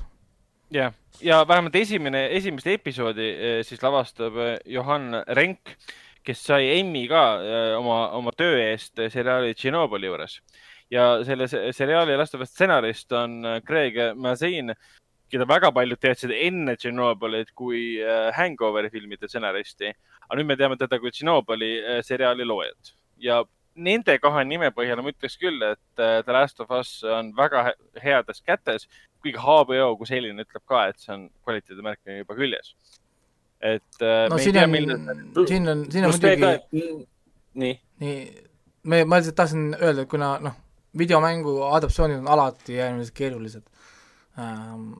noh, ma, ma täiesti tahaks näha mingit, midagigi, noh, mingit vihjet, kuidas see sari nagu tuleb, kas see on originaalne story või Last of Us'i universumis või, või, noh, millest see on, noh, mis siin nagu toimuma hakkab, et? Ega mulle praegu ei meenugi, millal viimati valmis sellise HBO või Netflixi stiilis mängu, mängufilm seriaal nagu live action seriaal. Noh, no Witcher, Witcher, Witcher, Witcher nagu oleks see põhi, põhi, põhimõtteliselt. Witcher mitte otseselt, sest ta põhimõtteliselt nagu raamatul. raamatul ka, aga Last of Us on selle koha pealt eriline. videomängu põhjal. puhtalt videomängu põhjal ja Last of Us mul tuleb praegu ainsana meelde, mida praegu arendatakse, siis kõik muu, mis enne on olnud, on kas siis animeed või animatsioonid ja nii edasi. aga live action seriaali nagu ei meenugi. okei okay,, Witcher on teine veits teine asi, aga see on ainult technicality, et põhimõtteliselt on ka mängude põhjal. et see on väga-väga tore, tore uudis uh,. teine tore. ma tahtsin seda ka mainida, et igasuguseid nagu meelest ära läheb, et äh, HBO-ga ju koos äh, teeb seriaali ka ju videomängu Last of Us looja. Neil Druckmann ise, ta ise. stsenarist ja, ja režissöör. tema on siis, kui inimesed teavad, siis Neil Druckmann on karakterite looja, siis tema äh, kirjutas need äh, The Last of Us karakterid ja oli siis esimese main story kaasautor äh,. siis äh, teises mängus ta on ainult üks neljast autorist. Yeah. neli tükki lausa või? jaa, neli, neli autorit on, äh, tema on üks autoritest, aga tema on lavastaja, siis ta on üksinda lavastaja siis jah, sest eelmise ta lavastas koos äh, Bruce, äh, Bruce Starliga yeah., yeah. mis, mille, ja ta oli ka Uncharted neli oli siis Neil Druckmann ja, ja, ja Bruce Starli. jah, aga Bruce läks ära no, Naughty Dogist, nii et mm -hmm. nüüd on Neil Druckmann niisugune noh, kandav, kandav nagu roll. Aga mm, -hmm. aga jah, tema on siis seal tegemas, et äh, järgmine nädal ilmub ka siis täpselt äh, reedel, üheksateistkümnendal, viie päeva pärast äh,. saate siis mängida ka teist episoodi, väga palju story't, viis tundi, nelikümmend kuus minutit on cutscene'e ja ja, ja viis tundi, jah? viis tundi, nelikümmend kuus minutit, jah on kokku erinevaid siis cutscene'e, kus sa lihtsalt vaatad ja, ja on naudid, kuidas hääl, häälnäitlejad teevad seda, mille eest neile raha makstakse.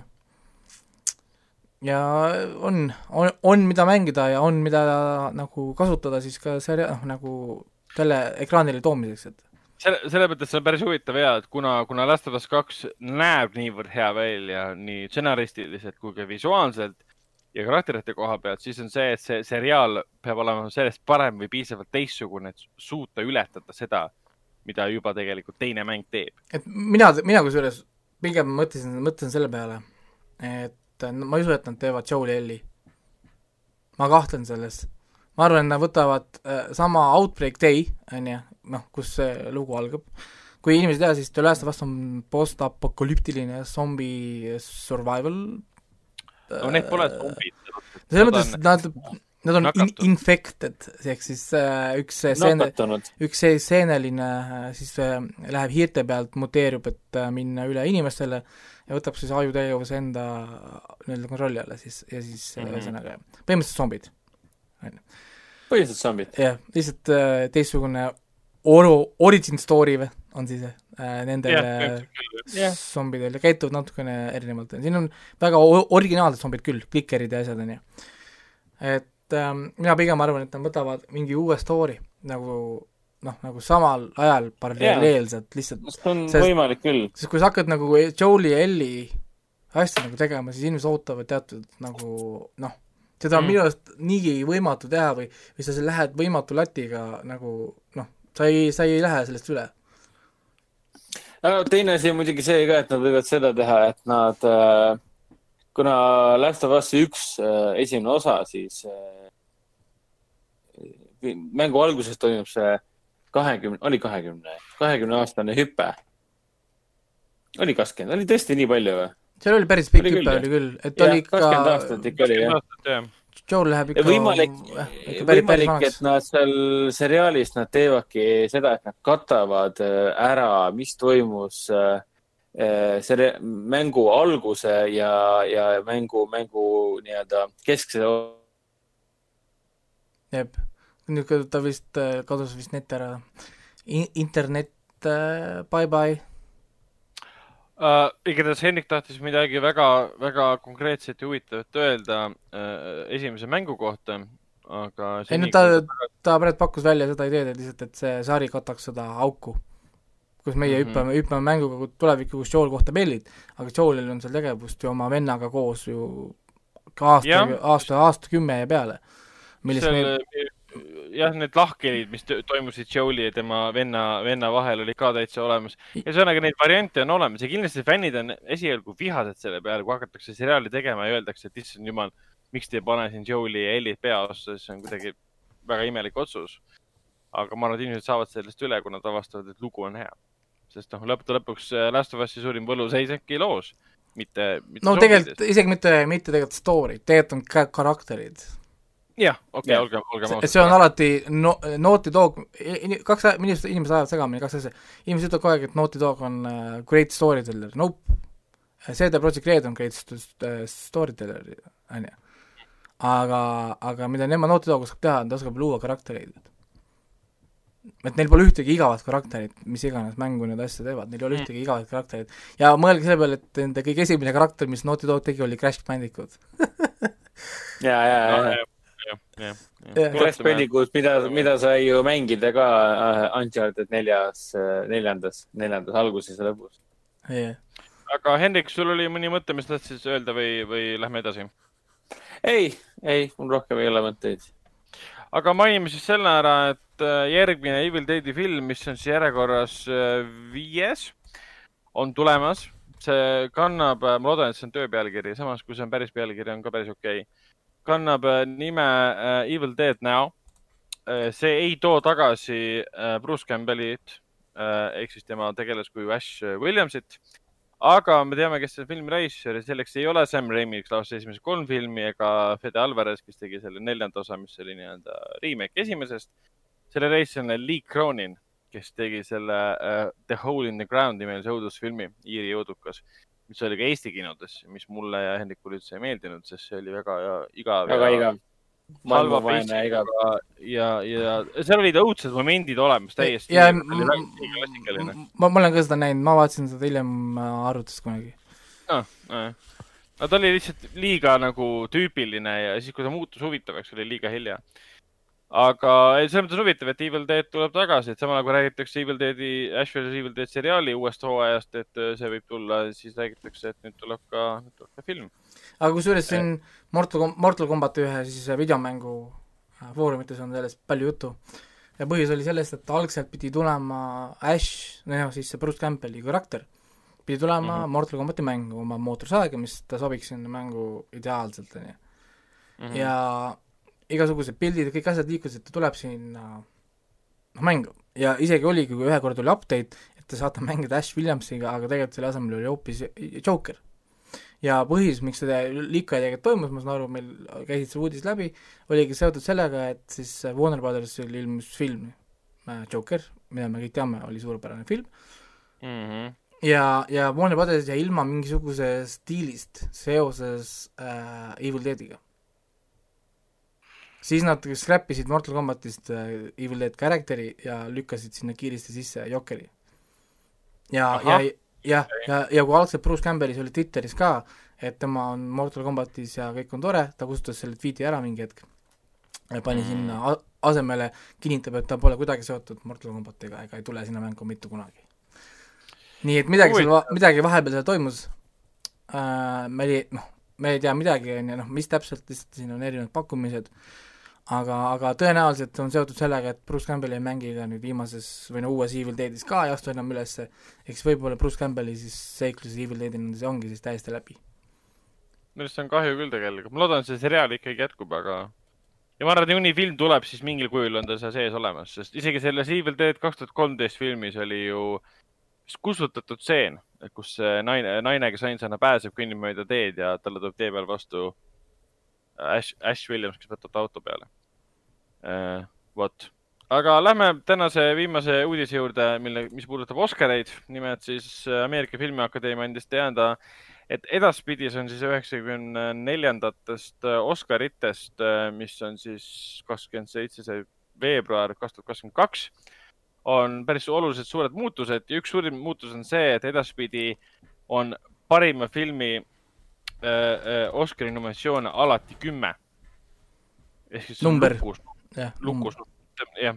vanasti oli see, kui nad selle kaks tuhat kaheksa või üheksa muutsid ära, et nüüd saab olla kümme filmi, siis oli alati viis kuni kümme, aga väga harva, ma ei tea, ühe korra vist tuli reaalselt kümme kokku äh,. siis nüüd on niimoodi, et iga aasta peab olema kümme filmi mis minu silmis tähendab ühelt poolt seda, et sinna saabki panna sellise filmi nagu Black Panther nüüd edaspidi, sest äh, ruumi nagu on.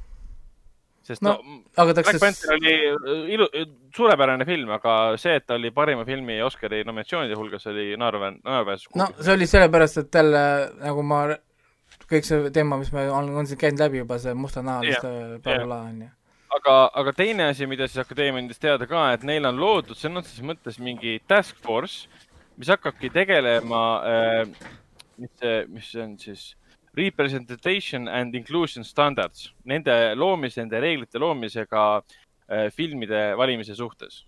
mis tähendab, et nad siis, ma ei tea, mida see täpselt tähendab, sellepärast artiklis väga täpselt seda ei väljendatud aga põhimõtteliselt tähendab seda, et mis puudutab äh, filmide valimist ja kogu seda protseduuri, seda hakatakse vaatama uue pilguga. et oleks piisavalt palju äh,, piisavalt palju erisust režissööride, näitlejate, nahavärvide, sugude suhtes. Ühelt poolt ma saan aru, miks see niimoodi on, aga need reeglid tegelikult põhimõtteliselt tähendaksid seda, et ei valita enam, ma noh, Pari, parimat filmi ei valita enam enam, enam ei valita parimat, vaid valitakse seda, et oleks piisavalt palju, et numbrid oleksid kaetud. et ta, et keegi, kes täidab, täidab mingit mõttetut checklist'i, mitte, mitte kes on kõige, kõige, kõige parem. et niipea, nii, need reeglid võivad väga suurepäraselt töötada, aga võib-olla ideaalses maailmas. Aga niipea, kui juhtub see, et näiteks mõni valge heterorežissööri film, kes on teinud maailma parima filmi, ei pääse sinna edasi ja sinna pääseb mõni teine film, mida kõik universaalselt teavad, et pole hea, siis see lööb neile väga-väga suure valusa laksuga tagasi ja sellest ei saa lüüa, ei, ei saagi lüüa vastu, kuidas sa kirjutad sellest? kuidas sa ei, no, kirjutad selle..., sest siis mis iganes artikli sa teed, sa oled kohe mingisugune foob või sa oled kohe mingisugune ism? Ei no selles mõttes, et kui, kui see Black Panther oli seal, siis sellest ikka väga palju kirjutati, et miks ta seal on. sellest ei saadud, sellest ei saadud ikkagi aru selle koha pealt äh, Os Oscarite valijad olid ka umbes niimoodi, et me tegime ju selle, mis te tahtsite. aga siis kõik kriitikud kirjutavad mingi. see oli, see, see on, see on, see on nii kahjulik, see on nii kahjulik, kui sa hakkad tegema liste, mis ei saa olla enam parim. see on nagu seesama, äh, meil oli siin hiljuti matemaatika ühest teemast käis läbi äh,. palgati, noh, matemaatikuid palgati vaata ja siis firma oli umbes, et nad on väga progressive siis palgati viis mees matemaatikut ja viis naist matemaatikut. Neil oli vaja kümme matemaatikut saada, vaata, head. siis oo, noh, nii uhke ja see on nii tore ja kõik on nagu värki. aga keegi kohe võttis selle lahti, et need viis matemaatikut, kes teie palkasite, on listis, noh, olemas nagu tulemuste ja asjadega. ehk siis teie, teie palkasite viis meest, kes olid parimad, noh, tulemuste põhjal ja siis palkasite mm -hmm. viis naist, kes olid parimad tulemuste põhjal. aga selle, kui ta oleks palganud kümme matemaatikut, oleks, nad oleks võtnud kümme parimat, nad oleks, oleks saanud äh, kümme meest.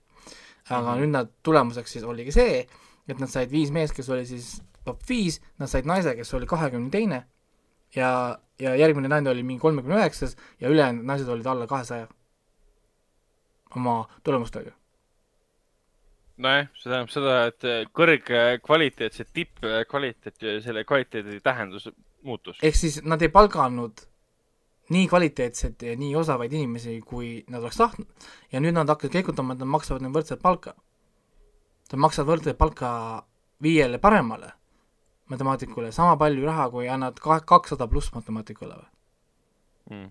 Kas sa nüüd reaalselt, kui, muidugi kui nad suudavad teha sama, on muidugi teine asi, aga ma kahtlen sügavalt selles, et, et kahesaja, kakssada pluss tulemustega inimene suudab konkureerida viie parimaga või? noh, saad aru?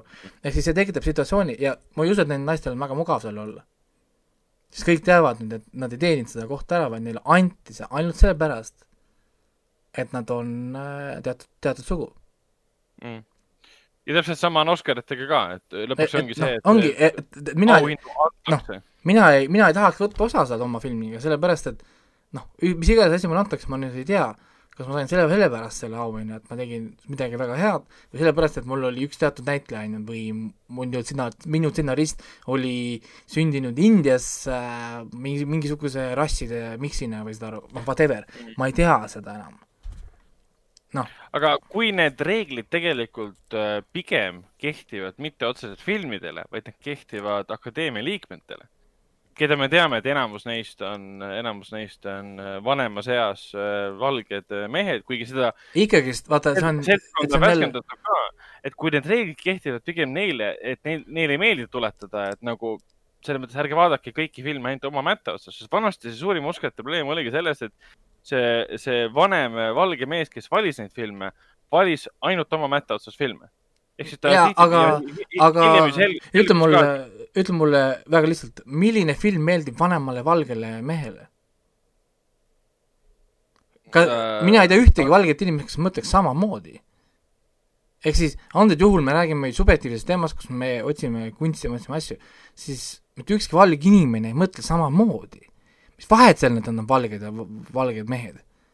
vaatad samu filme või? ei vaata ju. Te olete ka ju valged mehed nagu mina, me ei vaata isegi ligilähedasele samu asju mm.. aga ikkagi, kuskilt peab selle süsteemi muutmisega no, alustama. selle koha pealt, kui sul no. on nelikümmend aastat olnud samad liikmed, nagu no, aga siis see, siis see, vahepeal. siis see liikmete vahetus, et peaks kuidagi olema seotud äh, ori-, seksuaalse orientatsiooniga ja nahavärviga, vaid see liikmete vahetus peaks toimuma testide põhjal, mis määraks, et inimeste valikud on erinevad. eks nende mõtlemine on erinev. mina pooldan ainuke diversity, mida mina pooldan, on mõttega seotud mitte välimuste ja mingisuguste asjadega, sest seksuaalne orientatsioon ei määra mitte, mitte ühtegi viisi seda, et sa peaks teadma filmides paremini või rohkem, miks see oluline on?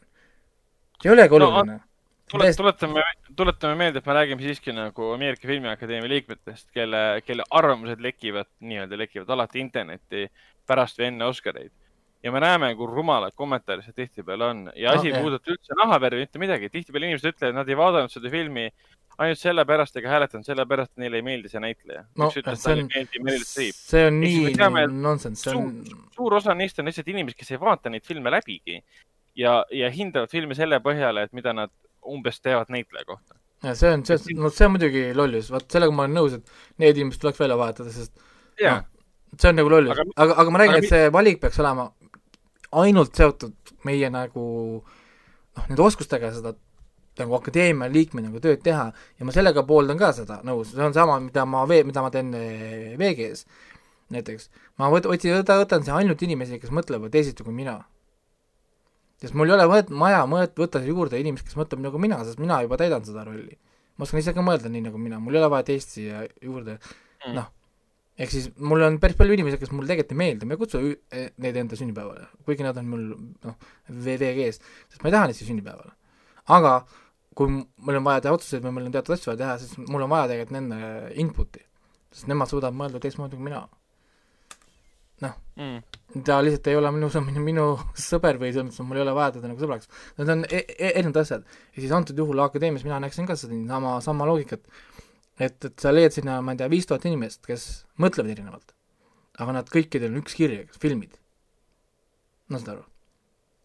et mõtlevad erinevalt, sul ei ole mõtet võtta sinna nagu viis tuhat inimest, kes kõik hindavad samu filme, aga nad näevad välja e erinevalt või nad magavad erinevate inimestega see on pointless, sest sa noh, nad mõtlevad kõik samamoodi, ehk siis sul on tegelikult null diversity selles, selles, selles grupis.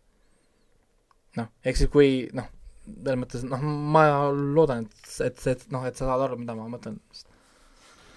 et, et, et see diversity ei ole seotud mitte nagu äh, nahavärvi või orientatsiooniga, vaid see on ikka seotud sellega, kuidas inimesed mõtlevad ja oskavad teatud asju teha.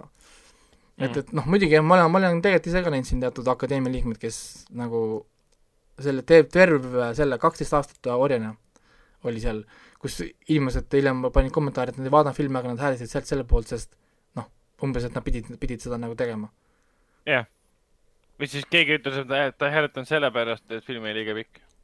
no mingeid niisuguseid, niisuguseid asju ah. oli seal jah, nagu ja siis noh, ma mäletan ka, ma olin nii pettunud, et kui see kaksteist aastat aastat varjane oli väga hea film, aga minu arvates ta ei olnud ka kindlasti struktureeritud sellisena, et ta peaks olema parim film, siis nagu hiljem lugesin kommentaare, et inimesed andsid sellepärast, et nad pidid seda nagu tegema, et see oli umbes nende poolt oodatud, et noh, saad aru, noh, et, et sa peaksid nagu seda, noh, seda nagu tegema, siis oli ka nagu what the fuck, miks sa oled seal? noh mm., sinu nagu töö on lihtsalt vaadata, anda enda hinnangul tõepoolest nagu mingi nii objektiivne, kui sa suudad olla, mis on nagunii võimatu, sest noh, inimesed enam ei suuda ühtegi arvamust teha nagu objektiivselt, vaid noh, nii palju, kui me suudame, noh, teha nii ob objektiivselt, kui see on võimalik. ja kuna sa oled sinna valitud mingi pointiga, noh, et sinu noh, a la näiteks kui mina, mind valitakse akadeemiasse, siis mind tõenäoliselt valitakse sinna AK, AK, AK, AK akadeemiasse minu peksufilmid on ju, ehk siis ma, et ma oskaksin hinnata füüsilist noh, seda tööd, a la mingi stuntbändi tööd ja seda aru, noh, sellist asja. ja tõenäoliselt äh, siis äh, mingi anime fan-, fantaasia pärast, keegi võtaks mind sinna minu imelise oskuse pärast hinnata aja, aja, ajaloolist raamatut, mis mind huvitab kõige vähem. on ju, mm. selle jaoks oleks tõenäoliselt keegi teine kuskil või saad aru, noh. ehk siis, et kattagi ära kogu see noh, nagu, et noh, nagu, noh, nagu teema. et, et noh aga kuna mina olen jälle valgenahaline, siis mina juba by default ei sobi, on ju. mis on, mis on ka muidugi nonsense. ah, jah. ma räägin, mul on hea meel, et ma ei ela Ameerikas.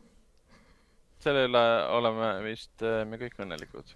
Aga liigume saate viimase osa juurde, milleks on siis äh, filmi soovitused. seekord saame rääkida ka siis äh, kinosoovitustest või pigem märkustest, et mis on kinno tulemas üheksateistkümnendal juunil alustavad siis Eesti kinodes Briti draamakomöödia Misside mäss, äh, animatsioon Viiking Vikk, maagiline mõõk ja põne, põnevik põgenemine Pretoriast. Hendrik tahab meile kindlasti rääkida ühest huvitavast asjast, mis on tulemas Foorum Cinemas kinodesse.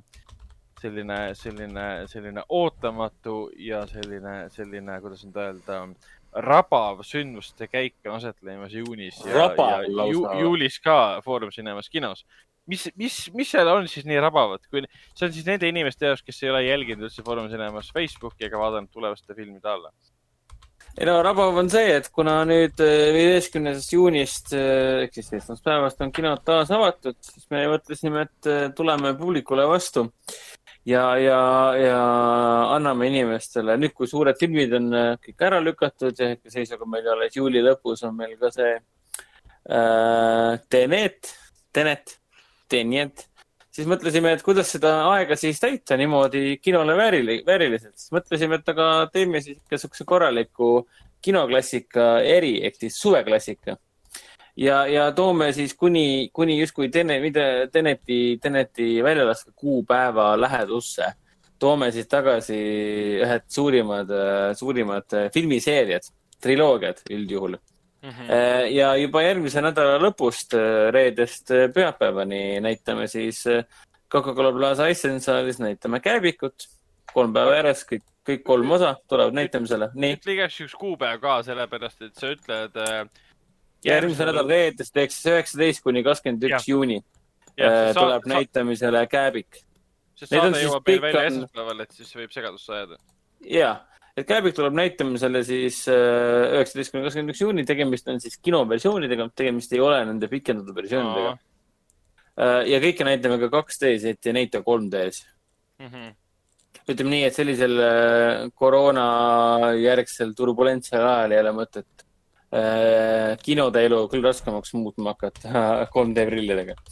Aga see on päris huvitav, sest ma arvan, et väga paljud ei ole ju Kääbikut kinos näinud niimoodi, et ta poleks olnud 3D-s ja nelikümmend kaheksa kaadrisekundis. ma ei mäleta äh,. ja, ma Ei, ta- nelikümmend kaheksa, aga ta oli, tal oli kaks valikut alati. Ta oli küll. neli või nelikümmend kaheksa. ta oli ilma, ilma 3D-ta, sest mina ei seedi 3D filme. mina vaatasin seda jaa ilma., no ta vist oli sest esi-, okei, esimene Kääbik ei tulnud nii ammu välja, ta tuli aastal kaks tuhat üksteist, ei, oli kaks tuhat üksteist või? üksteist jah. üheksa aastat tagasi. kas ikka aeg, aeg ikka lendab, jõhker. issand, ma, ma polnud tol, ma polnud tol ajal isagi veel, noh. ohoo, nii et eh, ma isegi ei tea, mida ma sel ajal tegin. ei, kaks tuhat kaksteist oli ikkagi, ma ajasin natukene sassi. Mhm. ja siis kuni kaks tuhat neliteist tuli siis kõik, kõik kolm tulid välja. ja, ja pärast Kääbikut äh, on võimalik äh, vaadata uuesti Sõnumst isanda triloogiat, mida me tegelikult näitasime detsembris, pikendatud versioone, jõulukink nii-öelda eelmisel aastal. seekord me näitame siis kinoversioone ja samamoodi näitame sarnaselt Kääbikule neid järjest. et kui Kääbik on üheksateist kuni kakskümmend üks juuni, siis äh, Sõnumst isand tuleb näitamisele samuti Coca-Cola Plazas äh, siin sellest kahekümne viiendast kuni kahekümne seitsmenda äh, juunini. Mhm. nii, ja siis meil on ka kolmas triloogia tulekul ja selleks on muidugi Matrixi seeria. ehk siis kõik kolm Matrixit näitame ära kahekümne üheksandast juunist kuni esimese äh, juulini see on siis Matrix, Matrix Matrix- Reloaded ja Matrix Evolutions. äh,. Matrix Revolutsioon eesti keeles isegi. oi, vabandust, ja, ja. Samas on naljakas, et omal ajal ei tõlgitud ära, et Matrix revolutsioonid. oota, kas Matrix kahe tõlge oli siis mingi kusjuures Mat- Matrix kahe tõlge oli jäetud Matrix kaheks, ehk siis Rooma numbritega. Matrix kaks Reloaded või?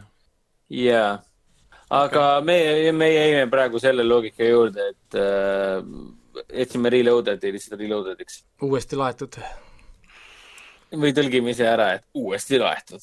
Nüüd kinodes, nüüd uuesti kinodes. relaadimine. relaadimine. ja, ja need, need esimesed kolm, Kääbik, Tõrmust isend ja Matrix, see tuleb siis kõik näitamisele äh, Coca-Cola Plaza Iceland saalis. Mhm. loomulikult meil siin esimesel juulil tuleb ka ju lõpuks ju ometi jõuab kinodesse ka äh, kinoklassika Casino, jaa, mis on ju alates märtsist alates nagu edasi lükatud kogu aeg. ta pidi meil ju aprilli kinoklassika olema. noh, mäletan, mäletan, jee, mäletan. jee, jee ta oli, esimesel juulil saab seda lõpuks vaatama minna.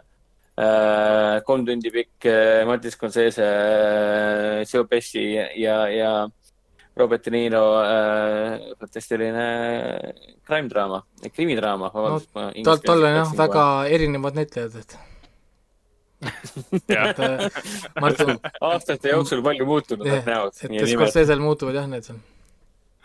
Ta on, ta on tun- tuntud selle poolest.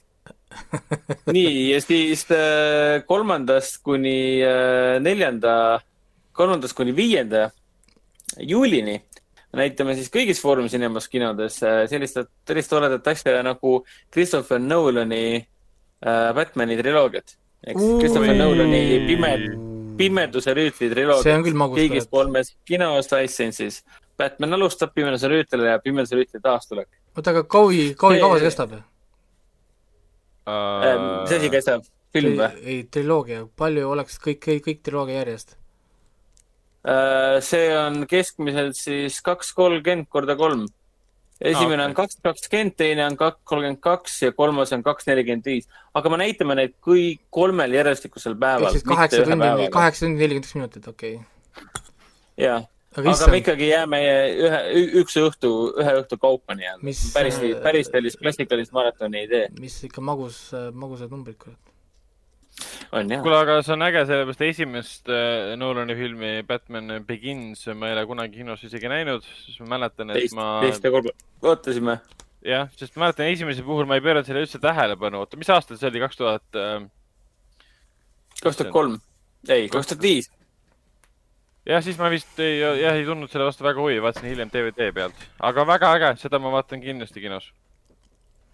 ja, et ma väga ootan, et mul on, ma olen väga suur selle se- seeria austaja, ma ootan küll seda võimalust, et seda kinos license'is vaadata mm.. täitsa, et täitsa, see see on nagu, et see Tom, Tom Hardy ikkagist oma maskiga on ju täna väga teemas.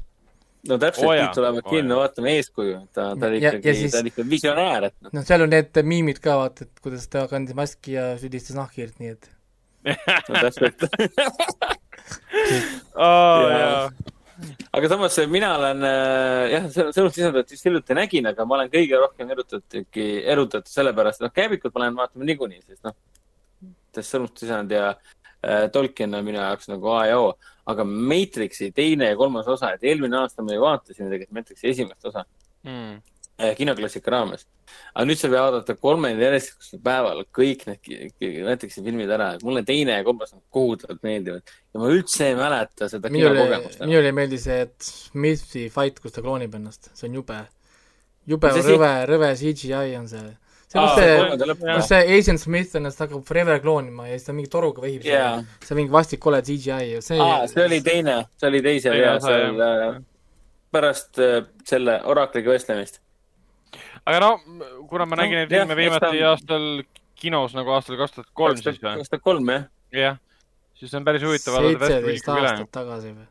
jah, yeah.. et kolm, ma olen vahe, vahepeal neid kodus niikuinii uuesti vaadanud, nad olid kõik Netflixis vahepeal olemas Ja-. praegu on. ja, ja, ja lisaks äh, Nolani tumeda või pimedase rüütli, tark ainult, mis ta on, pimedase rüütel ikka ju? pimedus rüütel. pimedase rüütli, pimedase rüütli triloogiale äh, lähe, läheneme ju järjest äh, lähemale ju sellele Teneti esilinastusele. Ja siis loomulikult me toome ka kinoekraanidele äh, Inceptioni, Dunkirki ja Interstellari. et äh, kõik Nolani fännid oleksid korralikult ette valmistunud, et et Tenetit vaatama minna. Interstellarit ma see- tulen küll vaatama, see on kinofilm ja ma tahan näha seda uuesti suurelt ekraanilt Jaa.. samas, sama siin. seal on nii, nii palju stseene, mida ma tahan näha uuesti kinos. seesama see spin, kus nad peavad selle külge ennast panema. dokid Jaa, selle jaamaga, mis, ja, oi jumal, seda stseeni vaadata, mulle nii meeldiks.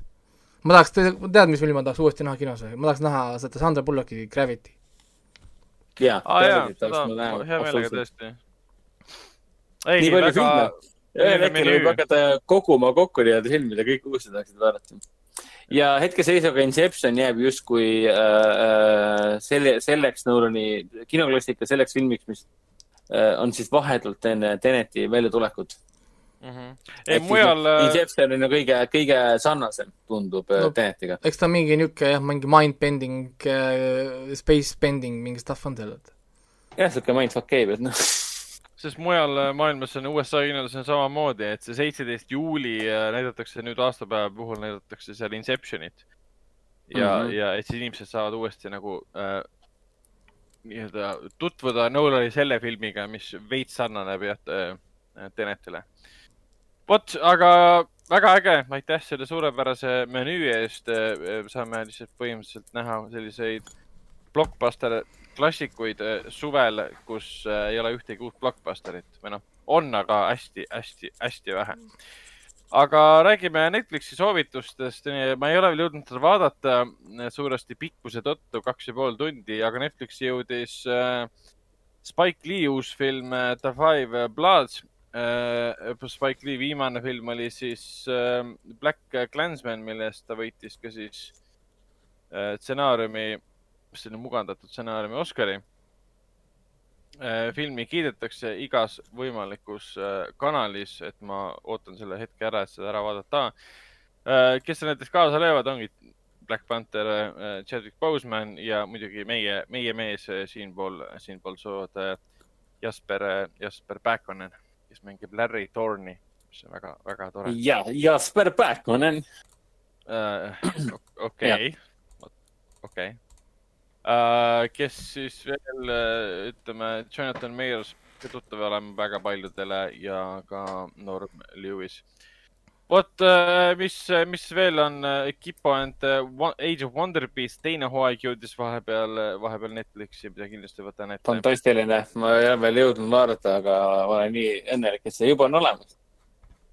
ja, ja Raiko lisas siia ka vahepeal Reality Z, mille treilerit ma vaatasin, see vist Brasiilia seriaal, oli jah seriaal ikkagi. põhimõtteliselt, kus tehakse. Brasiilia zombid või? jah, tehakse reality tv show'd ja samal ajal siis zombid, zombid äh, vallutavad Brasiilia.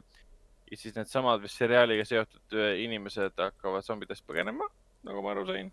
jah, ja siis nad kasutavad oma kaameraid ja asju, et siis äh, teha sellest nagu nagu siis äh, reaalajas ülekandeid ja asju ja, ja ma Aa, pole näinud okay. mitte midagi peale viie minuti algusest, aga nii palju, kui ma internetist lugesin, siis inimesed on rahul mm. -hmm. inimesed on täitsa rahul olema, jah.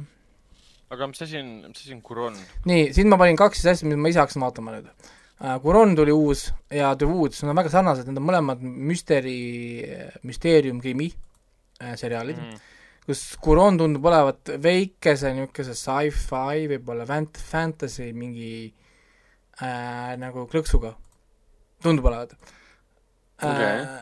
sest äh, see on niimoodi, et äh, peale seitseteist aastat on möödas äh,, siis naine naaseb tagasi oma kodulinna, aga tal on kaksikut nüüd nagu. ja siis ta kaob ära lihtsalt ja siis need siis, äh, need kaksikud peavad hakkama siis oma ema otsima.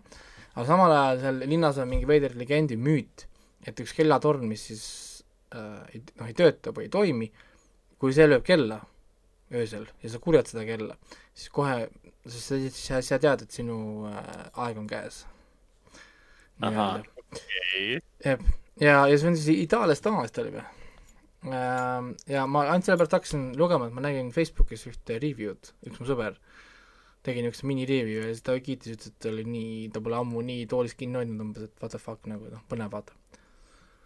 ja siis mõtlesin, et davai, et see on krimi, krimi-misteri ka, mulle alati meeldib, kui on korralik krimi ja misteri, muidugi noh, oleneb, kui hea krimi ja see hea misteri see on ja siis kohe, kui ma seda hakkasin vaatama, viis minutit jõudsin vaadata, siis Netflix lükkas mulle kohe ette, et The Woods mm. -hmm.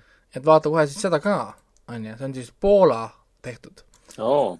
ja nice., ja kus kohas leitakse siis äh, laip ja siis nende uute tõenditega nagu ava-, avatakse, ma saan aru, ka mingisugune vanem case kakskümmend viis aastat tagasi nagu toimunud mis siis äh, toob kõik inimesed ja vanad noh, mingid tegijad kokku, kes siis uuris mingit vanemat mõr-, mõrva ja nüüd hakkab sealt siis uus krimi, misteri sealtkaudu siis äh, nagu minema. ja ma saan aru, et äh, Poolas oli see megahitt olnud, noh see krimisari, mis siis nüüd siis, mille tõttu ta sattus siis ka Netflixi nüüd, noh nagu sest, sest nagu populaarsuse tõttu. et siis äh, kas ta põhineb ka mingi tõestisündinud lool või? seda ma ei tea, ma lihtsalt äh, nägin, et Netflix viskas selle ette mulle ja ma ütlesin seda guugeldada korraks ja nii palju siis nägingi, et poolakad, pool, ühesõnaga see oli Poolas mingi räige hitt olnud. siis nüüd siis Netflix võttis, ostis õigused või ma ei tea, kas siis oli nende oma by default, ma ei tea, aga igal juhul nüüd on see Netflixis, ingliskeelsed dublaažid, värgid, särgid, kõik on olemas äh,, saab vaadata. ma lihtsalt üritan nüüd leida auku, kuhu seda nagu toppida, et kõikide muude asjade hulgas ära vaadata sest äh, krimi, misteri on vahepeal väga hea vaadata, saad oma mõist-, mõistust teritada ja kaasa mõelda nagu. noh, ütleme selles mõttes, et äh, mis tegi, kes tegi, kus tegi, on ju, mis toimub. aga jah, see reality C on niisugune sooj show, ma mõtlen, kas ma tahan seda vaadata või mitte, ma üritan selle esimese osa lõpuni vaadata ja siis selle järgi tahan hinnata, et kas ma tahan vaadata seda või ei taha. siis ma vaatasin seda, ma vaatasin seda Batali, see Indias, India zombikas, see oli päris, päris ah, äh, loll, ütleme siis nii. ma naersin seal rohkem, kui, kui ma oleks tahtnud naerda ja pigem ma naersin sellepärast, et see oli lihtsalt liiga loll, mitte nagu äh, noh, nagu kvaliteetne naer või noh, saad aru, ma naersin sellepärast, et see on lihtsalt nagu nii halvasti tehtud. et noh, ma ei saa aru, kas see on meelega tehtud või nagu mitte meelega tehtud, nii raske on saada aru. kas see on taotluslik neil või lihtsalt see on kogemata tulnud välja, ma ei oska öelda ma vaatasin poolteist osa ära ja nüüd, nüüd on ta ootejärjekorras, sest mul on tunne, et ma saan oma aega mujale ka panna. kas sa tavaliselt, kui sa asjad, mis sa oled nagu pooleli jätnud, võtad ka reaalselt hiljem ette ka? ikka, ikka naasen. see on niimoodi, et mingi aeg läheb mööda, ma ise muutun pidevalt, iga järgmine laps, laps või, või asi alati muudab minu pers-, perspektiivi elude ja asjade suhtes ja muude asjade suhtes. siis lähed tagasi, vaatad ja mu-, hind hoopis, hoopis teistmoodi. noh, tõsi et, et need asjad muutuvad pidevalt, et. vot, aga äh, Amazon Prime videost äh, midagi uut väga palju äh, ei ole peale selle, et seal on olemas The Terror teine hooaeg. ja mina avastasin Prime videost, et on see The Magicians on seal neli hooaega. aa, õigus, ma mäletan, kui see välja tuli et seal on nüüd neli hooaega, mul on esi-, vaadatud enda esimene hooaeg, mulle meeldis esimene hooaeg, ma ausalt unustasin ära, et see vahepeal see sari eksisteeris ja millegipärast Prime video soovitas seda, seda nüüd mulle mingi eile, täna ühesõnaga mm. mingi mängib soovitas ja ma vaatasin sellel on neli hooaega ja ma igal juhul hakkan seda vaatama, sest esimene mulle väga meeldis. okei okay vot Telia HBO-s soovitan vaadata eufooriat, sest see on väga eufooriliselt hea. Ja Apple TV plussis nüüd kümnendal juulil peaks jah tulema Greyhound, aga võib-olla siis mitte. meile võib-olla. Eestisse, aga seal on olemas endiselt Central Park ja. Defecting Jacob. ja, ja tuli ja film tuli ka juurde veel äh,, mingi Dads. film tuli nüüd just välja Dads. aa jaa, kuulsatest isadest nii-öelda, Will Smith ja nii edasi. aa, ma just lugesin selle kohta. Et see nüüd tuli välja mingi eile, eile-üleeile või no ühesõnaga ta nüüd just viskas mulle selle ette, et on uus asi, tuleb vaadata ja, tuleb vaadata. Bryce Dallas Howardi lavastatud dokumentaalfilm äh, isadest, kus näiteks äh, Will Smith, Chad Apatow, Jimmy Fallon ähm, Neil Patrick Harris, Ken Jeong äh,, Conan O'Brien, Patton Oswalt räägivad siis oma äh,, isadena räägivad siis äh, kasvatusest või ma ei tea täpselt, millest see seriaal. Neil räägib. Patrick Harrisel on laps või? tuleb ja. nii välja, ma arvan, et oma partneriga siis. ei, nad on vist abielus, temal ja tema abikaasal on laps jah, või lapsed mm,. on jah, kaks last Wait, wait for it. aa, surrogaat. Wait for it. Legendary.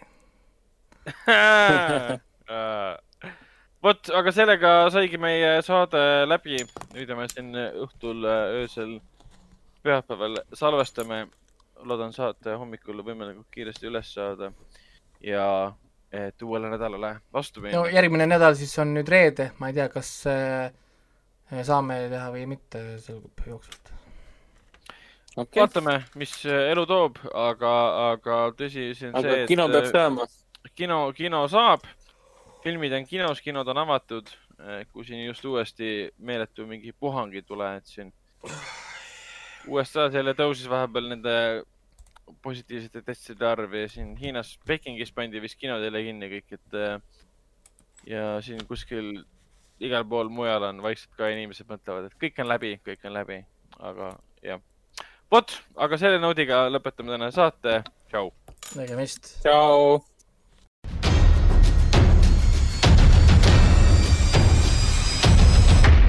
Kinoveebi Jututuba podcasti toob teieni Foorum Cinemas